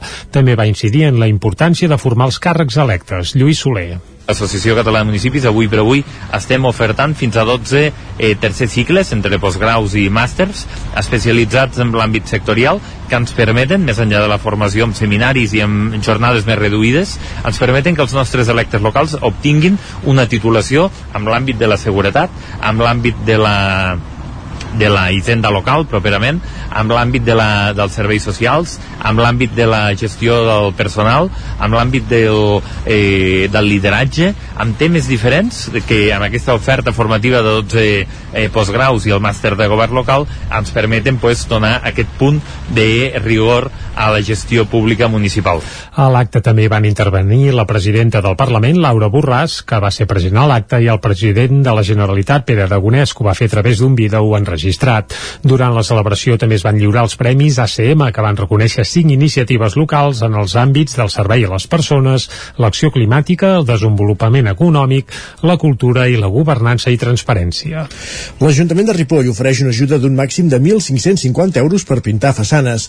Isaac Muntades, des de la veu de Sant Joan. Un any més, l'Ajuntament de Ripoll ofereix un ajut econòmic per a impulsar i fomentar el tractament i la pintura de façanes i mitgeres del barri vell de la vila. També inclou la normalització de rètols segons la normativa vigent. El regidor i cap de l'àrea de serveis al territori, Joaquim Colomer, va detallar qui va dirigida la subvenció. Bàsicament, doncs, aquesta subvenció de façanes no és una cosa que s'implementi ara o que hagi sortit en aquest moment, sinó que és, el fet és recordar que existeix aquesta subvenció i que és una subvenció doncs, que ja fa anys que es porta a terme des del consistori doncs, de, de Ripoll, que el que pretén doncs, és ajudar doncs, als particulars o inclús propietats de, de, de veïns perquè puguin doncs, millorar les seves façanes dels seus edificis. Així doncs, se'n poden beneficiar aquells propietaris, comunitats de propietaris i llogaters d'habitatge, excepte els pisos unifamiliars de la zona 8 i els edificis en edificació aïllada de la zona 9, segons el Pla d'Ordenació Urbanística Municipal. En cas que el tractament de façanes incorpori elements cal·ligràfics, s'hi podran acollir tots els titulars dels immobles. Els immobles que es vulguin acollir l'ajuda també hauran de complir una sèrie de requisits objectius com que l'habitatge tingui una antiguitat mínima de 10 anys des de la seva construcció i que es pintin totes les façanes de l'edifici. El màxim de l'ajut per immoble és de 1.550 euros, uns 6 euros per cada metre quadrat. El percentatge de costos de tractament i pintura que se subvencioni dependrà de si es tracta d'un immoble catalogat, si incorpora elements cal·ligràfics o si es troba al barri vell i als Ravals. L'ajuda també inclou una bonificació del 100% de l'impost de construccions, instal·lacions i obres, així com el 100% de la taxa d'ocupació de la via pública. L'última façana que s'ha pogut pintar gràcies a aquesta subvenció ha estat la d'un edifici que dona al carrer Mercaders i al carrer Tallaferro. Colomer va explicar que hi ha un degoteig de persones persones que la sol·liciten i que l'objectiu de l'ajuda és poder tenir un Ripoll més bonic i renovat. Aquest passat cap de setmana ha estat el primer sense restriccions d'aforament per la Covid-19 a la restauració, els recintes esportius a l'aire lliure i els actes culturals. I també ha estat el de la reobertura del local d'oci nocturn més gran d'Osona, les Carpes. Després d'un any i mig de pandèmia han tornat amb èxit de públic i queixes per la pressió social i administrativa que asseguren que els suposa la represa de l'activitat. Dissabte a la nit hi havia cues a l'entrada de les Carpes Vic Estiu amb joves que mòbil en mà esperaven per accedir a l'establiment acreditant que tenien reserva prèvia. No havien d'ensenyar el certificat Covid, un requisit del que en queden exclosos els espais d'oci nocturn a l'aire lliure. Tant divendres, el dia que van obrir després d'un any i mig, com dissabte, es van exaurir les 1.900 entrades anticipades, l'aforament total de l'espai. A l'interior s'hi evidenciaven les ganes de festa i també l'absència de mascaretes, malgrat els esforços del personal de les barres i dels membres de seguretat. Joan Mancera és el responsable del grup Esbar Joan, que gestiona les carpes. Però sí que és veritat que nosaltres, al sector privat, eh, notem la, jo, jo personalment la pressió social que ets terrible que, que comporta això, no? És, ja es pot obrir, ja està. No, no està. Hi ha un, fa, hem de tenir en compte que fa un any i mig que això no existia, que hi ha molta gent que necessita sortir per edat, per, per, per el que els hi toca, i que ara ens toca a nosaltres fer d'educadors, controlar, eh, vigilar, eh, molt dur. Joan Mancera celebrava la reobertura especialment pel personal que treballa a les carpes. Teníem bastanta gent treballant, els hem intentat hem intentat sobreviure, ajudar-nos i, i aguantar el que fes falta per poder arribar a obrir i poder continuar endavant. Eh, jo ara estic content, però no sé si és el que toca, perquè jo no sé què passarà demà. Jo no sé si això és veritat ens han enganyat tantes vegades. Una altra de les queixes de Mancera té a veure amb el botellot a l'exterior de les carpes, una pràctica que s'ha mantingut amb l'oci nocturn tancat i que comporta brutícia, baralles i mal de caps. Després d'un any i mig tancat per la pandèmia, encara no se sap si el cinema biguetà, l'únic que queda al centre de Vic, tornarà a obrir. Els organitzadors del Festival Protesta, que s'està fent aquests dies a Vic, van lamentar durant la presentació del certamen no haver pogut utilitzar el cinema biguetà, com havien fet en edicions anteriors. El Festival Nits de Cinema Oriental, l'altra gran cita cinematogràfica de la ciutat, tampoc va poder utilitzar-lo durant el passat mes de juliol i va programar les sessions interiors a l'Atlàntida. I és que ara mateix el futur de l'històric cinema biguetà és molt incert. Tancat des de fa un any i mig, just arran abans de l'esclat de la pandèmia, l'empresa que gestiona l'equipament, que té el local en règim de lloguer, encara no ha vist el moment de reobrir les dues sales i la possibilitat que ja no ho torni a fer està sobre la taula. Pinta malament deixa anar Albert Vilà, que és el propietari del Multicine Sucre, l'empresa que el 1999 va assumir també la gestió del Bigatà, juntament amb la del ja desaparegut Cinema Nou. El fet que fins al cap de setmana passat s'hagi mantingut la restricció dels aforaments culturals i sobretot que en els últims mesos no s'hagi recuperat el públic que anava al cinema compliquen la viabilitat i la reobertura del Bigatà. El volum de recaptació i d'ingressos al multicine Sucre, segons Vilà, encara està molt per sota de l'habitual i no els compensa haver de contractar personal per obrir dues sales més al Bigatà. L'encariment del preu de la llum és un altre factor que hi juga en contra. Tot i això, la decisió definitiva sobre el futur de l'equipament no està presa i Vilà apunta que esperaran una mica més per veure com evoluciona tot plegat. L'any 2013 ja van tancar les altres dues sales que hi havia al centre de Vic, el Cinema Nou, un espai que continua tancat i barrat. La Fira de Fires de Castellterçol recupera les cinc fires de tardor que eren tradicionals del poble en un sol dia. Jordi Givert, des d'Ona Codinenca. Bona rebuda entre els veïns de Castellterçol i del Moianès de la Fira de Fires, que torna després que l'any passat fos cancel·lada a última hora a causa d'un repunt de les dades de la pandèmia a la comarca. Aquest diumenge els carrers de la vila s'han omplert de firaires i visitants que han donat vida als carrers de Castellterçol. Xavier Comelles, regidor de promoció econòmica, ens explicava el format d'aquesta fira. Senzill. Fira de Fires, com el ben bé el nom diu, és la fira d'un conjunt de fires que engloba la fira ramadera, que engloba la fira del bolet, la fira dels artesans, la fira dels brocanters, que antigament ho tenien repartit en quatre fires diferents i ara s'agotina a, a una sola. Ara fa 4 anys Castellterçol va decidir apostar per aquest nou format de fira, ja que les fires tradicionals de tardor havien de competir cada cap de setmana amb diferents programacions culturals i d'oci de la zona i perdien pistonada. Ara, el format nou, on totes les fires han sumat força, s'ha consolidat a Castellterçol. Esports. Ampliem una informació que us donàvem ahir la, al repàs esportiu del cap de setmana. L'handbol sènior masculí de Cardedeu perd el seu per, quart partit de Lliga contra la cooperativa Sant Boi, el primer classificat. David Auladell, des de Ràdio Televisió de Cardedeu. El sènior masculí del club handbol Cardedeu disputava diumenge el seu quart partit de la temporada contra el Sant Boi, un rival fort que no els ha deixat fàcil els de Cardedeu, qui perdien 16-24. Durant la primera part del partit, el Cardedeu ja va anar darrere dels de Sant Boi i no van poder remuntar el partit. Jordi Esbrí, capità del sènior masculí. Ja sabíem que era complicat contra un rival de la part alta i en cap moment hem estat còmodes, la veritat, han imposat ells el ritme que volien. Ha sigut un partit, sobretot a la primera part, amb molt poquets gols i, com et dic, no ens hem sabut adaptar en cap moment s'han endut merescudament la victòria. Els de Cardedeu només han pogut guanyar un dels quatre partits disputats. El proper partit serà contra el Sant Cugat, qui de moment només ha perdut un partit en el que porten de temporada. Gràcies, David. I acabem aquí aquest repàs informatiu que hem fet en companyia de David Auladell, de Jordi Givert, d'Isaac Muntades, de Jordi Sunyer. Tot seguit, la secció econòmica amb Joan Carles Arredondo, cap d'Economia de l'edició del 9-9 del Vallès Oriental i parlem, com dèiem, de la paradoxa del cambrer. Fins ara mateix.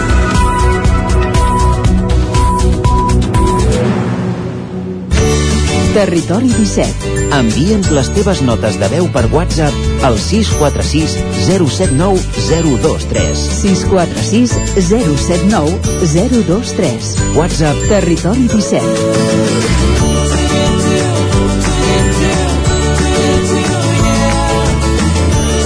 Territori 17.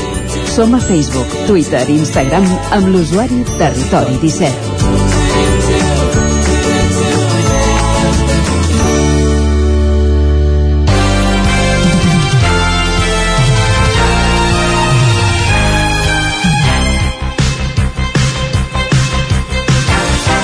Doncs quan passen 14 minuts de les 11 entrem a la pàgina econòmica del Territori 17 com cada dimarts en companyia de Joan Carles Arredondo com deia en cap de la secció d'Economia del 9-9 del Vallès Oriental Avui Joan Carles, bon dia Bon dia. Parlant d'això que ens has titulat la, la paradoxa del cambrer que hem vist que ja generava una mica d'expectació a través de les xarxes socials Bueno, no, de, de, fet no m'estranya, eh, per- perquè realment sí que és paradoxal, eh? eh que el fet que mm, tenim, tenim par- par- parlem, parlem de, de dades de, de, d'abast estatal, però, però si ens centréssim només en Catalunya també estaria més o menys en el, en el mateix sentit, eh? amb, amb el doble de, de taxa d'atur que la mitjana europea, eh, i en canvi una crida que fan determinats sectors econòmics dient que no troben professionals, diguem-ne, per, per cobrir les seves necessitats laborals, no? És a dir, com pot ser que havent-hi tant d'atur hi hagi empresaris que no trobin treballadors. Diguem-ne que aquesta és un, La una paradoxa. La resposta senzilla és sous, però suposo que no només, oi? Sí, el pay, pay, them more, eh, que deia el president, el president Biden, i, i, bueno, si, si paguéssim bé eh, ja, ja estaria i de fet ja hauríem acabat la col·laboració. Però, però diguem-ne que, que, que hi ha més coses, no? Em, és veritat que diguem-ne que el, el que ve a revelar eh, aquesta situació és que aquí una mica ja, ja, ja apunto la conclusió a la qual, a la qual intentàvem arribar, eh, però perquè mm, tres elements eh, essencials que cal canviar. La primera és el model formatiu, la segona és el model salarial i la tercera mm, el model productiu eh, eh, que, que tenim en el país. Uh, intentem desglosar tot això eh, per, sí. per, per, per intentar argumentar una mica perquè considerem que, que seria necessària doncs, diguem de, de, tot, tot, totes aquestes tres coses. No? Um, això, tenim 3 milions i mig d'aturats, un milió dels quals són joves i en canvi no hi ha prou cambrers o paletes. Um, si escoltem els sectors empresarials, la resposta és a que es produeixi aquesta situació és doble, eh, però en el, en el fons, mm, com, com els manaments de la llei de Déu, eh, es resumeixen, en aquest cas, en un. Eh, la feina disponible no casa, eh, no, no, no es correspon amb la qualificació professional dels treballadors, i això passa perquè les formacions que es donen a aquests treballadors potencials, sobretot els joves, està distanciada de, de la realitat laboral, de, de, de la realitat econòmica. Eh? Eh, aquests sectors empresarials no se senten, per tant, prou escoltats eh, pels que determinen quins perfils formatius s'oferiran. i efectivament eh, seria molt saludable que hi hagués una interlocució perquè la formació suposa, eh, sobretot formació si, si es fa pública, que és com seria desitjable que es fes, eh, eh, suposa una despesa notable de recursos públics, eh, que són recursos per tant pagats entre tots, i que tenen com a finalitat que en surtin millors professionals, perquè si en surten millors professionals, en principi seran millor pagats, i com que seran millor pagats, deixaran més diners a les arques públiques. Eh? Per tant, aquí tancaria un cercle virtuós eh? Uh -huh. eh, i per tant aquesta interlocució seria desitjable. Eh, alguna cosa deu haver funcionat malament durant tants anys a l'estat espanyol perquè sigui el que està a la cua eh, tant en volum d'aturats com també en productivitat. Perquè el cas és que si bé ara se senten els laments de restauradors i constructors, les dificultats per trobar un perfil adequat per les feines disponibles és una queixa, mm, podríem dir generalitzada, eh? eh per feina ens toca parlar molt amb empresaris de tota mena de sectors i sempre ens diuen que tenen dificultats per trobar personal qualificat. Però se- sembla una para... tornant a, al títol de, una paradoxa perquè el, el tema de la formació professional o de, de fer formacions a, a demanda del, del, del món laboral sembla que és, és un discurs que l'hem sentit tota la vida i no s'hi posa fil a l'agulla Mira, no se, no se n'hi deu posar, eh? perquè de fet hi ha una dada de, de, la, de la patronal PIMEC, eh? que aquest, di- aquest dissabte recollia, recollia la Vanguardia, que era, feia un ampli reportatge sobre aquesta qüestió, una mica inspirat, eh? ens ha inspirat per, per poder portar aquest tema eh, avui, a- avui en aquest espai. Eh? Um, la patronal PIMEC apunta que Espanya és el tercer país per la cua en l'índex europeu que mesura les competències que tenen les persones que quan surten del, del sistema formatiu i les que necessiten les empreses. És a dir, aquí efectivament hi ha un problema i per tant efectivament el pay them more que, diu- que diu el Joe Biden, eh? el tema dels sous, després ho explicarem, però també hi ha un problema de, de que no s'està portant eh, diguem la, la formació en, els, en el punt adequat eh? sí. que, que, que, que, que tenen que tenen que, diguem-ne que dicta el, el mercat laboral um, el, aquest diagnòstic que fan els empresaris per tant apunta una de les patologies clares eh, del mercat de treball espanyol um, una oferta formativa i associada de la demanda laboral i amb perfils professionals inadequats o amb qualificació baixa que com deien porten que aquests treballadors no aportin aquest valor afegit necessari per incrementar la productivitat. A més eh, ja, aquest curs s'ha donat, una, donat una circumstància, eh, és una circumstància que eh, els experts diuen que és habitual en temps de crisi, que és que eh, els joves que entren en el sistema formatiu ja de, de graus mitjans, etc, um, tenen més tendència en temps de crisi a optar per carreres de formació professional, per, per, per, carreres, per formacions de formació professional, que, eh, que en, en èpoques de bonança, no? diguem-ne que veuen més possibilitats d'incorporar-se al mercat laboral amb, amb, amb formacions que estan més ajustades directament a a la realitat laboral i, i això, això s'ha produït eh? A principi de curs eh, es va fer palesa la gran, el gran increment de, de matriculació en estudis de formació professional que fins i tot va deixar fora alguns milers d'estudiants sense, que no van, no van obtenir plaça, diguem-ne. Però, en canvi, aquests graus d'aquests eh, sectors que ara es queixen, eh, construcció i restauració, eh, van quedar no, van quedar buits. Eh? Eh, de fet, eh, en, els, en els graus d'hostaleria, eh, eh, una, quarta part, una quarta part de les places van quedar, van quedar buides i una cinquena part més o menys, eh, un 22% més o menys en, en, el, en, en qüestions d'edificació. Per tant, eh, els joves tampoc es, se senten molt cridats a fer aquestes professions eh, i això també potser seria una qüestió de consciència. Si aquesta fos efectivament l'única incògnita de la qüestió, doncs ja està, eh, ja, ja ho tenim, eh? eh? Més interlocució entre el sistema formatiu i el món empresarial, estudis adequats a la demanda i ja està, s'ha acabat la paradoxa. Però, però hi ha alguna cosa més. Em, els, estan els empresaris disposats que aquest esforç en recursos públics per la formació i la qualificació de candidats als seus sectors es tradueixi en salaris més alts? Eh, doncs de moment s'ha vist que una porció molt elevada dels joves molts dels quals amb qualificació professional elevada han hagut de triar sempre entre o quedar-se a l'atur o treballar amb salaris baixos o emigrar i mm, està clar que això contribueix poc, poc a fer projectes de vida si els cambrers tan sol·licitats tinguessin condicions laborals dignes, és probable que no hagués passat el que molts experts es- han, han, han assenyalat que ha passat durant la pandèmia. Eh? Um, teníem la restauració tancada, els ERTOs a l'ordre del dia i molts professionals van intentar buscar-se la vida, òbviament, molts professionals de la restauració, en, en, altres, en altres camps laborals. Uh, I els que se'n van sortir, el que van trobar que en aquests altres sectors, com la indústria o la distribució, és que tenien condicions més avantatjoses per conciliar la vida laboral i la familiar i fins i tot per accedir a millors salaris. Ara, quan el sector torna afortunadament a una activitat mínimament equiparable a la normalitat, aquells professionals estan treballant en altres sectors i per tant no els troben, eh? Eh, i això és una, una situació que s'està produint.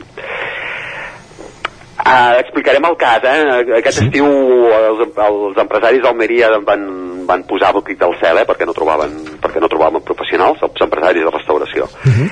eh, és un cas extrem i posar casos extrems pot portar a, a que el que exposi sigui ridícul, eh? Ja. Però és veritat que les respostes dels cambrers, quan deien això els, els empresaris de la, de la restauració d'Almeria, era la resposta més habitual és em fan contractes de 4 hores, eh, en, treballo, en treballo 14 i en cobro 8. Eh, clar, segurament això no deu ser um, la forma més eh, favorable per eh, aconseguir estabilitzar eh, unes plantilles eh, i això és una de les coses que estan passant una altra vegada, eh? Biden eh? pay them more um, en el cas de la construcció mm, que també l'element de falta de professionals afecta aquest sector, els joves tenen la percepció que és una feina dura i sobretot inestable. Aquesta segona consideració no és estranya, eh, vist, vist d'on venim. Eh? A finals de la primera dècada d'aquest segle i, primera, primer, i, i primers anys de, de la segona, eh, doncs amb una crisi de la construcció que va, va, va esclatar la bombolla i diguem-ne que moltíssims professionals van quedar fora del, del mercat laboral durant molt de temps. No?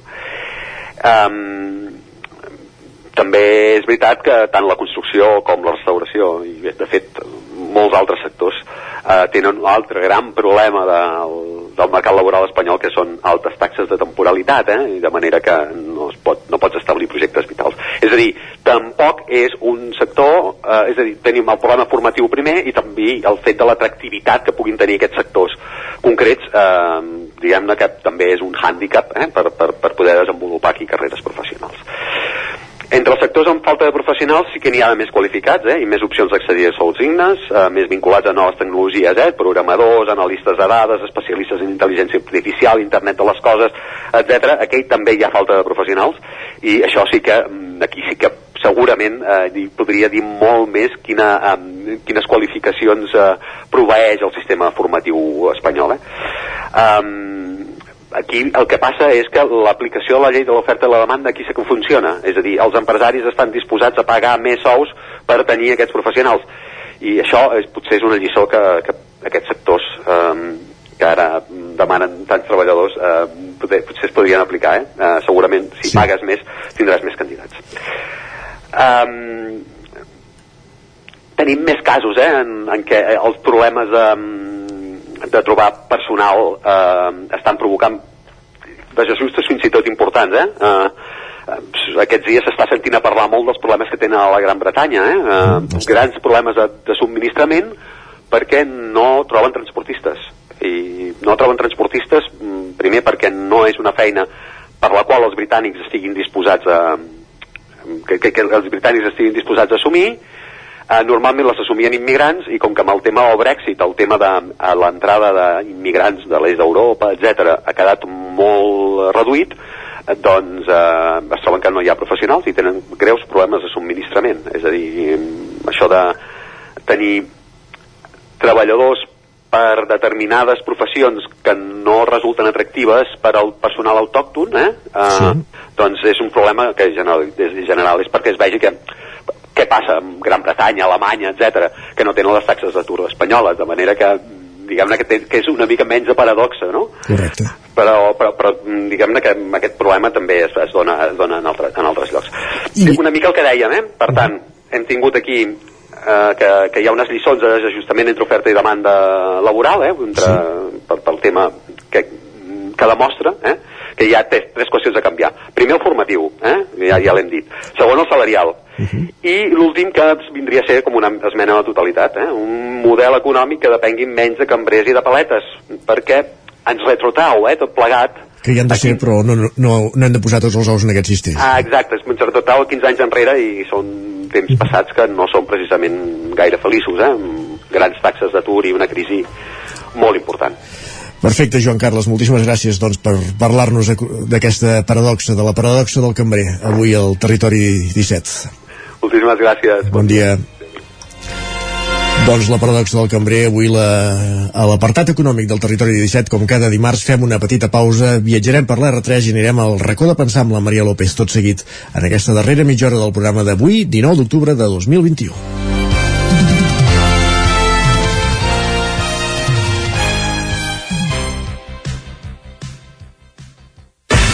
El nou FM, la ràdio de casa, al 92.8. Quan arriba la nit de Tots Sants, les bruixes tornen a Viladrau. Des de 1997, el 31 d'octubre arriba al Ball de Bruixes, un espectacle de carrer teatralitzat amb música, dansa, llum i foc en què 14 dones de Viladrau es reuneixen per celebrar la seva última junta abans de ser condemnades i executades. Aquest any, doble representació a les 9 i a dos quarts d'onze del vespre. Reserva ja la teva entrada i vine a commemorar la persecució de les bruixes. El 31 d'octubre, 24è Ball de Bruixes de Viladrau. Consulta totes les activitats a viladrau.cat. A Corretja tenim tot el que necessites per la teva llar. Tot tipus de paviments i revestiments, sistemes d'aïllament, cobertes, parquets, aixetes, ferreteria, pintures, fixació i cargoleria, vestuari i material de seguretat. Disposem de més de 3.500 metres quadrats d'exposició amb una nova zona exterior d'aïllaments. A Corretja som especialistes en cuines i banys. Us assessorem, dissenyem i realitzem el projecte des de l'inici fins a la fi del muntatge. 100% cuines, 100% banys. Al carrer Mas Vigues 8 de Vic, a corretja-sl.com o a Instagram. 100% materials per la construcció i la decoració. 100% corretja. El racó de León. Gaudeix de la nostra terrassa. Vine a tastar les xuletilles de l'Echal a la brasa amb una bona amanida o el xuletón de vedella gallega. No et pots perdre el nostre lechado de Castilla al forn o el cochinillo a l'estil de Segovia. Tot acompanyat del millor celler, al menjador o fora la terrassa. Descobreix la millor cuina de Lleó sense moure't de casa. Vine amb la família, els amics, la parella o sol. T'encantarà. El racó de León. Cuina tradicional lleonesa i de mercat. Som al carrer Torelló número 35 de Vic. Per reserves, telèfon 93 889 1950. El racó de León. Una cuina diferent. Som especialistes en cargols a la llauna. Vine a tastar-los al racó de León. El 23 i 24 d'octubre la castanya torna a ser protagonista de Viladrau. Arriba la 26a Fira de la Castanya, una mostra única i sorprenent al voltant de la castanya, la tardor i el territori. Podràs gaudir d'espectacles familiars, cultura popular o tallers i endinsar-te al bosc per descobrir l'espectacular tardor del Montseny amb les visites guiades per veure els castanyers. I si tens gana, apunta de la degustació de tapes amb els restaurants de Viladrau. Aquest any estrenem connexions amb bus per pujar a la fira amb transport públic. El 23 i 24 d'octubre, Fira de la Castanya de Viladrau. Consulta totes les activitats a viladrau.cat. Anuncia't al 9FM. La màquina de casa. 9 3 8 8 9 4 9 4 9. Publicitat arroba al 9FM.cat. Anuncia't al 9FM. La publicitat més eficaç. El 9 FM, el 9 FM, el 9 FM, el 9 FM, el 9 FM. Territori 17 A Tren d'Alba. Cada dia els usuaris de la línia R3 de Rodalies que veuen sortir el sol des d'un vagó ens expliquen les gràcies i les penes del primer comboi que uneix Ripoll i Barcelona. Benvinguts a Tren d'Alba. Avui us explicaré que tinc cronistes que baixen el mateix dia de la setmana a hores diferents, i això m'agrada perquè poden fer cròniques totalment oposades del mateix dia. Per això, divendres passat, vaig demanar dues cròniques, i una me l'he guardat per avui, perquè creia que valia la pena sentir la Glòria Francolí parlar sobre unes excursionistes amb molta energia. Hola, molt bon dia. Aquí la Glòria, des de l'R3. Avui, el tren que ha sortit de Torelló a les 5 i 55 minuts ha arribat a Sants amb 6 minuts de retard. I avui que som divendres, el que m'ha encuriosit ha sigut que he trobat diversos grups de persones que se n'anaven d'excursió. En un primer moment a l'estació de Torelló hi havia un grup de tres matrimonis d'edat avançada i que han pujat al tren tots amb la maleta i ben mudats i a l'alçada de mm, Sant Martí de Centelles em sembla que era ha pujat un altre grup de sis persones, totes dones he interpretat que eren sis amigues que feien la pinta també d'anar-se'n de, de cap de setmana llarg Um, és realment molt interessant anar a agafar aquest tren perquè et deixa molt abans de les 8 a Sants. Ja sabeu que a vegades no és així però, però bé, eh, avui no parlem d'aquest tema. La idea és que abans de les 8 pots ser a, a Sants i des de Sants o bé pots anar directament a l'aeroport a través del tren de l'aeroport o bé pots agafar l'AVE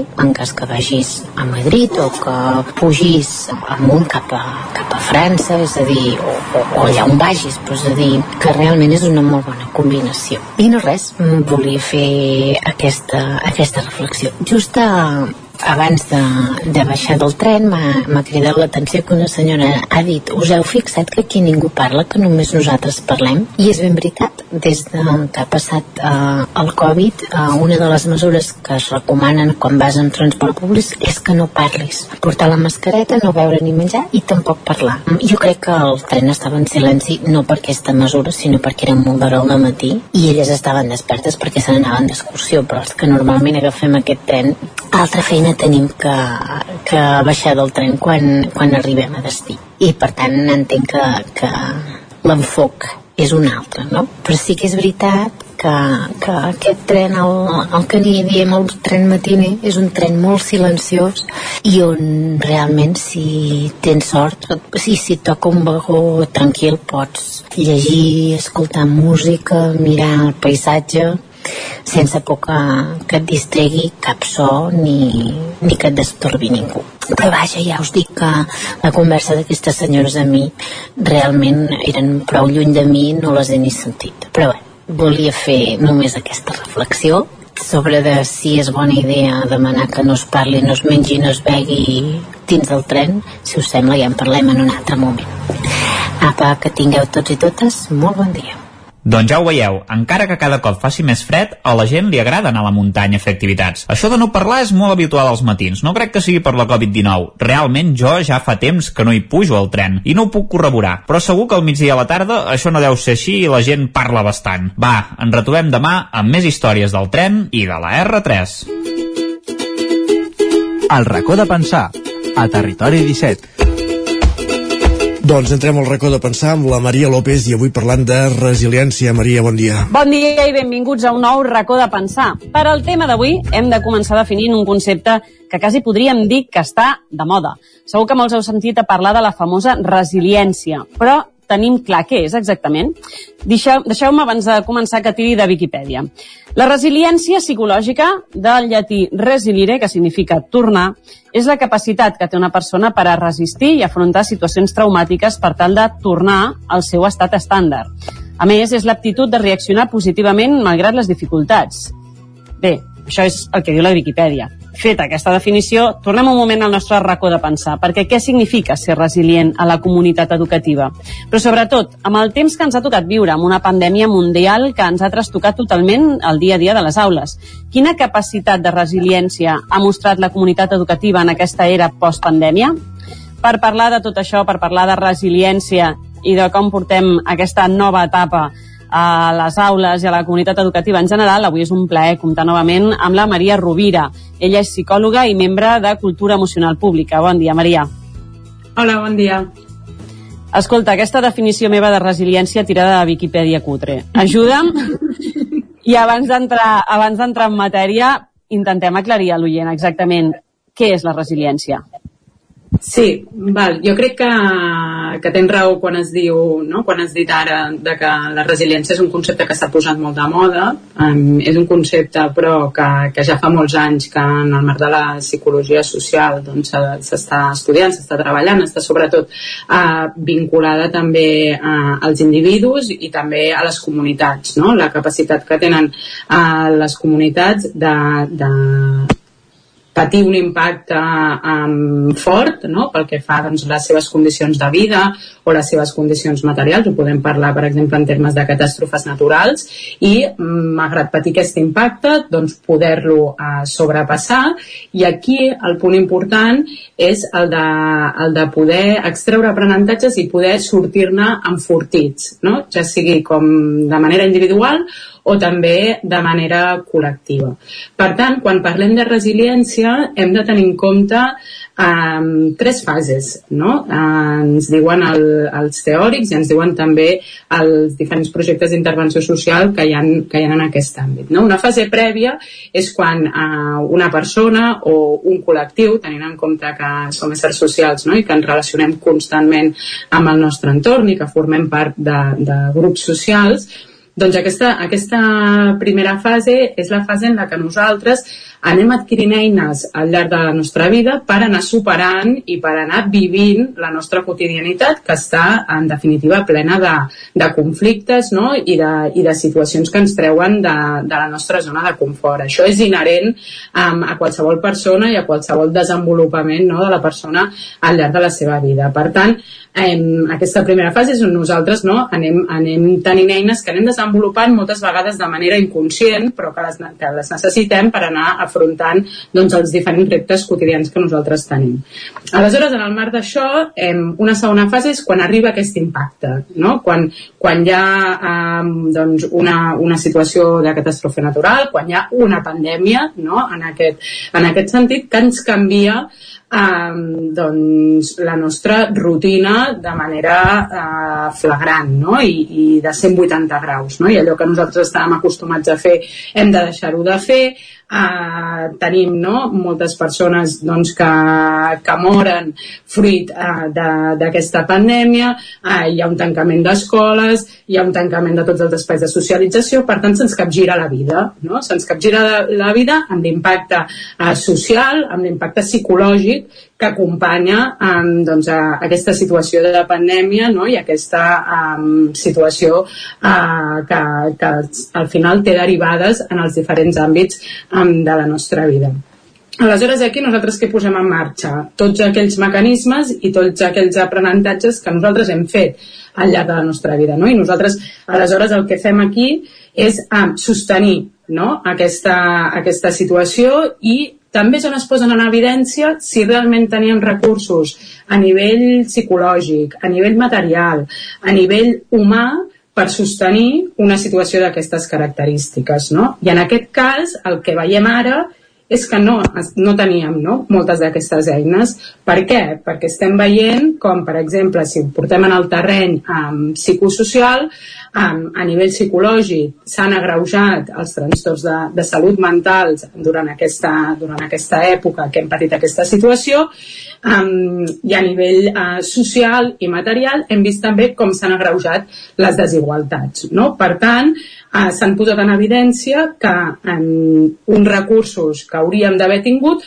doncs no els teníem uh, prou desenvolupats. Ara bé, i aquí ve la part uh, més important o, o la part en la que hem de posar el focus, és aquesta tercera fase de la resiliència, que és quan nosaltres aprenem d'allò que hem viscut, nosaltres veiem quines mancances hem, hem tingut, quines són eh, les derivades i les conseqüències i nosaltres d'aquí n'extraem aprenentatges i per tant en sortim enfortits, en sortim enfortits no? I, i veient nous fulls de ruta i noves accions que podem tirar endavant per continuar creixent i per continuar eh, sostenint la nostra quotidianitat diària i alhora, no, a llarg termini, doncs, si torna a haver-hi un esdeveniment d'aquestes característiques, que nosaltres encara tinguem més eines de les que vam tenir en, una, en un primer moment.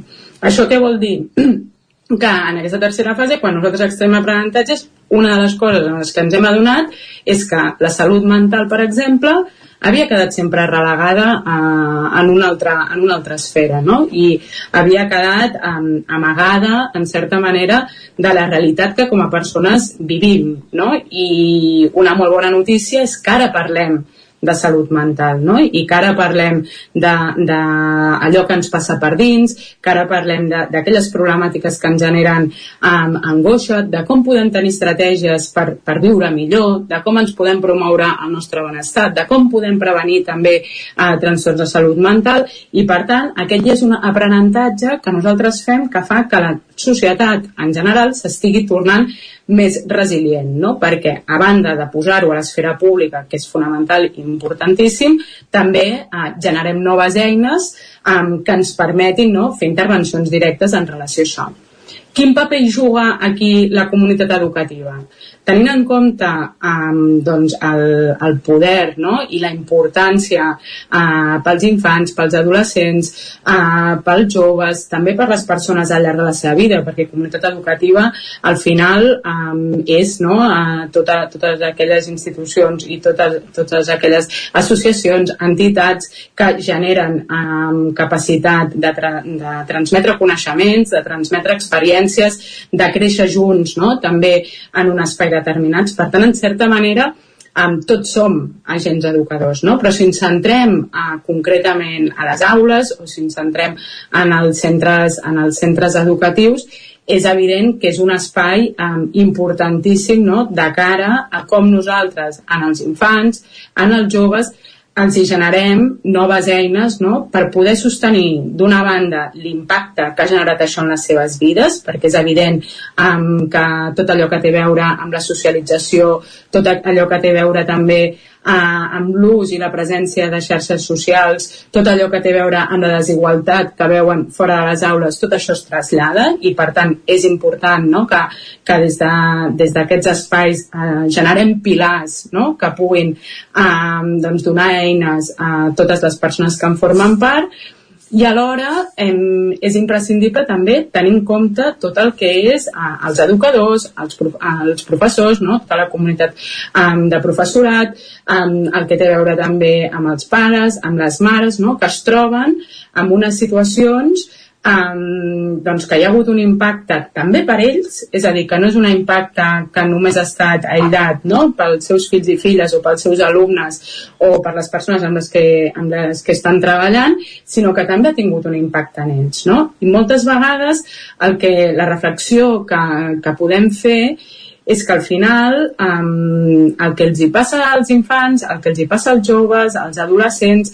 és una, és una mirada no? o és un reflexe del que ens passa als adults, en certa manera. No? I per tant, si nosaltres, els adults, no som resilients, no tenim les competències eh, emocionals, les habilitats socials per incorporar això i perquè realment això es vegi no? i en la nostra manera d'actuar, a la nostra manera de sentir i a la nostra manera de pensar ho fem d'aquesta manera, és molt difícil que nosaltres això ho puguem traslladar no? a les persones amb les que per elles nosaltres som, eh, doncs, en certa manera, referents, no? perquè al llarg de, de la nostra vida, eh, quan nosaltres eh, anem creixent, nosaltres moltes vegades ens nodrim no, de tenir um, referents adults. Per tant, mm -hmm. quan parlem de resiliència a la comunitat educativa, hem de posar el focus en la situació dels joves, dels infants, però també hem de posar el focus en la situació dels adults, no? I dels adults en tota la seva vessant àmplia,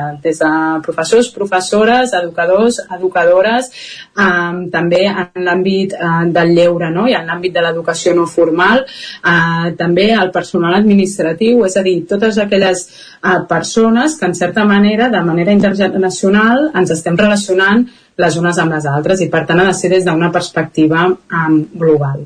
Això com es fa? Doncs això es fa um, canviant la cultura emocional que tenim en relació a això. I això vol dir treballar de manera transversal per poder generar aquestes eines que ens facin resilients. I quan ho concretem, no? moltes vegades és però, què, però i com es treballa la resiliència no? com tu uh, com s'entrena un no? per, per ser resilient un, no? per, per ser més resilient doncs la, la bona notícia és que es pot fer, la mala notícia és que requereix no, um, de, de un Que no esforç. és fàcil? Exacte, que no és fàcil, no? que requereix d'un esforç, que no és jo llegeixo molt i aleshores això ja es trasllada amb com jo actuo, sinó que això és un canvi uh, profund en la manera de, de ser, d'estar, d'hàbits també, de prioritats, de valors, d'actituds, de creences, no? I llavors aquí s'obre un gran ventall de possibilitats que eh, també la bona notícia és que amb molt poquetes coses nosaltres podem generar eh, canvis que tenen un, un gran impacte. No? I, per tant, lo fonamental i principal és generar en cultura emocional. Això què vol dir? Doncs desenvolupar les competències emocionals de totes les persones i de manera transversal que hi ha, en, doncs en aquest cas, si parlem de la comunitat educativa, en el si de la comunitat educativa. Quan parlem de competències emocionals, què vol dir això? Doncs, d'una banda, és algo tan, tan senzill com saber dir què sento, no? saber què estic sentint i què m'està passant em, en el meu cos, què m'està passant en el meu cap i poder posar nom a una realitat que existeix, que és la realitat de les emocions, i poder-les expressar. No? Això seria una de les competències emocionals, és la consciència emocional, que bàsicament és que ens alfabetitzem en aquest, en aquest àmbit. I, I és un gran què, eh? perquè això crec que, de fet, l'altra vegada que vas estar al racó, una de les coses que, mm. que vam estar parlant és aquesta eh, incapacitat que tenim, i sobretot generacionalment crec que es nota més, segons, mm. eh, o es marca més, la dificultat que tenim mol, moltes persones a posar nom a totes les emocions, no? que d'alguna manera com que moltes emocions, sobretot les més negatives o que es vinculen a coses més negatives, la tristesa, la ira, l'enveja uh, i moltes d'altres, estava com malament uh, sentir-les i expressar-ho, és com que el, el, no se'ns ha ensenyat o no se'ns ha educat a detectar-les, a etiquetar-les, a posar-los nom. Vull dir, moltes persones els hi passa, no? Que, noten, que, que es nota alguna cosa que no va bé, alguna cosa que no està funcionant, que no els fa sentir bé, però d'aquí a poder dir em passa això, eh, ja tot, hi, ha, hi ha tot un món, no? no? No és tan fàcil. I per què? Perquè no se'ns ha ensenyat a etiquetar totes les emocions, no? Exacte, ja, ja el, bueno, tenim la necessitat primer de, de tenir aquest vocabulari emocional perquè al final el, nosaltres ens expliquem el món a través del llenguatge no? i expliquem la realitat a través del llenguatge si nosaltres ni tan sols podem anomenar allò que sentim o allò que, que pensem um, doncs difícilment ho pots modificar o difícilment pots prendre consciència no, de l'impacte real que té això sobre, sobre tu. Moltes vegades és estic malament, vale, estic malament ok, què vol dir que estic malament? Que et sents trist, que et sents frustrat, que et sents ansietat, que um, sents frustració, que estàs enfadat, no? Perquè en base a això um, podem veure d'on ve aquest enuig o d'on ve aquesta frustració i llavors pots modificar el que et provoca això i pots mirar no? com, com et regules, que seria la segona fase. No? Una, la primera és aquesta de l'alfabetització, que és el que anomenem consciència emocional, Um, I la segona és què en fem no, d'això i què faig quan em sento en aquesta situació i per què em sento en aquesta situació, quin pensament és el que em sosté um, aquesta sensació de malestar o què és el que, el que hi ha darrere no? d'aquesta sensació de malestar, quin estímul és el que m'ha provocat això. Em puc provocar menys aquest estímul? Puc deixar-m'hi d'exposar? Puc provocar-me un estímul que em generi, al contrari, alegria eh, i que em generi un estat eh, de major benestar? Que això és quan entraríem no? en el terreny de la regulació emocional, de saber què em faig d'això. Però clar, si no tenim analitzat um, què és el que m'està passant. Exacte, si no tens detectat encara és més difícil detectar quines eines pots fer servir. Exacte, exacte. Aleshores, una tercera, no? un cop ja, ja tenim treballat aquests dos, aquests dos eixos, que això és un procés continu al llarg de la vida, que, que està en constant creixement perquè al final no hi ha no hi ha cap situació que puguis preveure no? 100% i que aniràs veient si una cosa et funciona, si una cosa no et funciona i d'aquesta manera també fas un procés doncs, de conèixer de tu mateixa i també el teu entorn després hi ha l'autonomia la, la, emocional que és quan ja tens la capacitat no? de, de poder-te situar tu um, doncs des d'un de, des lloc de poder-te promoure a tu les coses que et fan sentir bé, ser molt més conscient de tot això i de dir, vale, doncs això a mi no em va bé, no? i a mi això em genera una situació d'estrès, i a mi això em genera ansietat, i a mi això em genera angoixa, per tant, això ja no ho faré, i el que faré no? són totes aquelles accions o, o intentaré promoure aquells pensaments i aquella manera d'entendre les situacions que a mi em generin benestar. No? Per tant, jo mateixa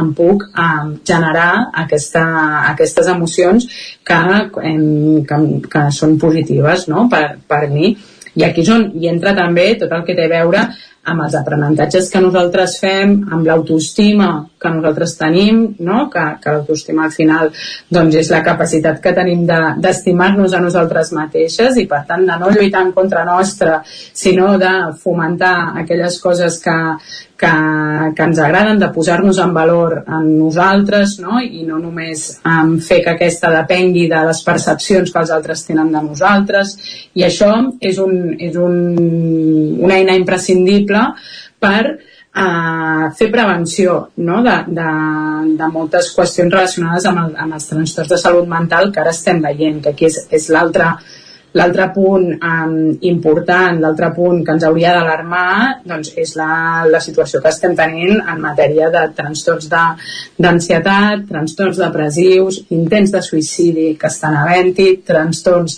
uh, d'alimentació, sobretot en dones um, i en noies, no? I aleshores les dades que estan, cre que estan creixent i, i, que, i que han augmentat uh, durant la situació de pandèmia um, ens mostren que tot això ho hem de treballar, que hem deixat abandonat o que hem deixat relegat a l'esfera de la curiositat o a l'esfera d'una part de, de la societat algo molt important, no? que és al final la, la nostra interioritat, la percepció que nosaltres tenim de nosaltres mateixes, amb tot el que té a veure no? doncs amb, amb les emocions i això no queda exempt de, de, en realitat d'un sistema social que, que és desigual, no? d'un sistema econòmic que també és desigual, és a dir, aquí hem d'aplicar una perspectiva de gènere, hem d'aplicar també una perspectiva des de la diversitat, una mirada des d'aquesta diversitat,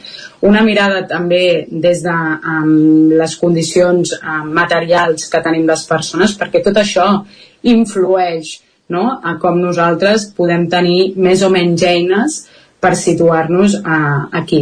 La comunitat educativa ens hauria de donar l'oportunitat, de brindar l'oportunitat de que totes siguéssim iguals en aquest sentit, no? però per això és imprescindible que hi hagi aquesta triple mirada també, no? de, de gènere, de procedència i de classe, que li diem, no? que és aquesta, aquesta mirada interseccional. I per tant, també s'ha de, de treballar des de la transversalitat d'això en les diferents intervencions que nosaltres fem, perquè si no al final també sembla que estiguem fent el discurs de si tu vols pots, no? I si tu vols tenir eines pots. No, matisem-ho, no? Tu um, estem immersos en un sistema també um, que, que ens condiciona i per tant d'aquí també la importància de, del col·lectiu, no? de, on no arriba un, arriba l'altre, no? i de buscar també uh, aquest teixit social quan, quan, fem aquestes, quan fem aquestes intervencions no? o quan treballem per aquesta resiliència a la, en el marc de la comunitat educativa però que al final um, és una re resiliència comunitària no? i una resiliència um, des del col·lectiu. La pandèmia ha evidenciat moltes d'aquestes mancances, o sigui, a més a més de que durant la pandèmia hagin pogut créixer uh, per la situació que teníem, moltes, molt, moltes situacions molt delicades, doncs, com deies, no? que han crescut molt doncs, els casos detectats doncs, de trastorns alimentaris o situacions així, uh, però d'alguna manera el que ha, ha fet palès que no s'estava posant prou atenció aquí. Fins a quin punt nosaltres ara tenim aquesta capacitat de, de reacció, fins a quin punt la comunitat educativa té ja prou resiliència o ens tenim molta feina a fer en aquest sentit?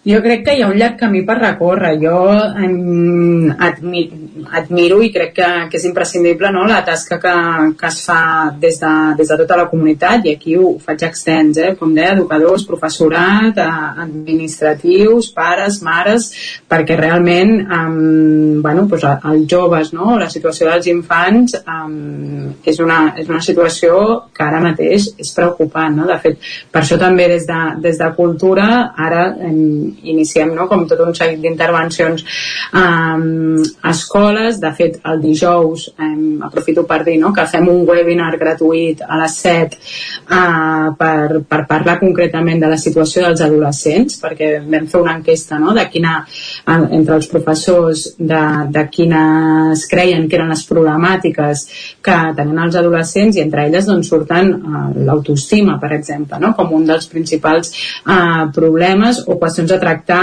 que veuen eh, en els adolescents. Per tant, jo crec que, que s'obre com un camí a recórrer, que no pot quedar en va amb la, amb la situació viscuda que es va poder viure um, doncs de la millor manera que, que es va que en aquell moment no, es, sabia, es va poder sí, que es va poder, no? tenint en compte les condicions que hi havia i, i l'impacte que això estava generant i que ara és el moment de dir, val, això ens ha evidenciat tot això i per tant, ara anem a posar eines, anem a posar mesures i anem a realment fer transformacions que, que no siguin esporàdiques, sinó que, que cal un canvi cultural en aquest sentit, no? I cal una mirada des de la prevenció, però també des de, o sigui, des de la prevenció, des de la intervenció en el cas no, de, de, bueno, dels casos que, que ja existeixen i per tant un acompanyament psicològic ja sigui individual o grupal amb, amb les persones, els joves o, o amb els professors mateixos no, o pares, mares que estiguin en una situació de risc.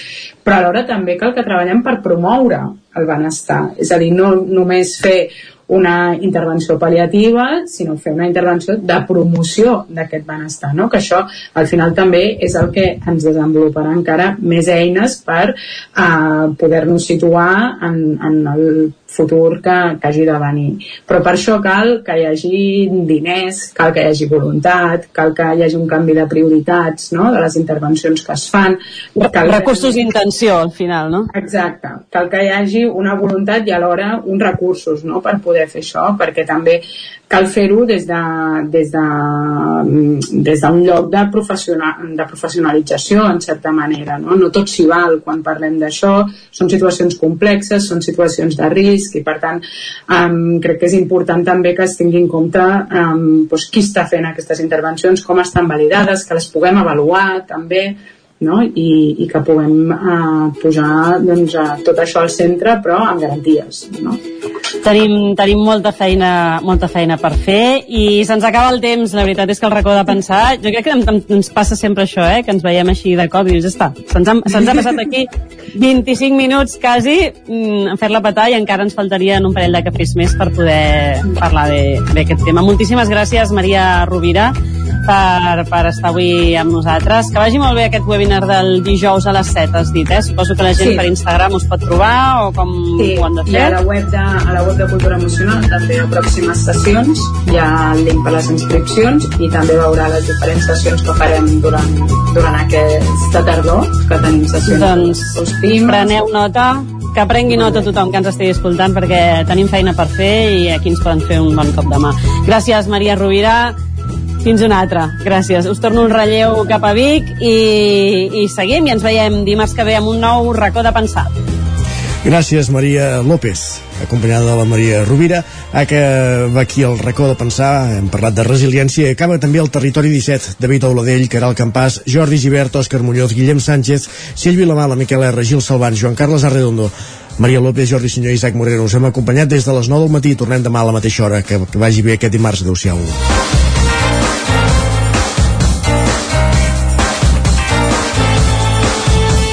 Territori 17, un magazín del nou FM. La veu de Sant Joan, Ona Codinenca i Ràdio Cardedeu amb el suport de la xarxa.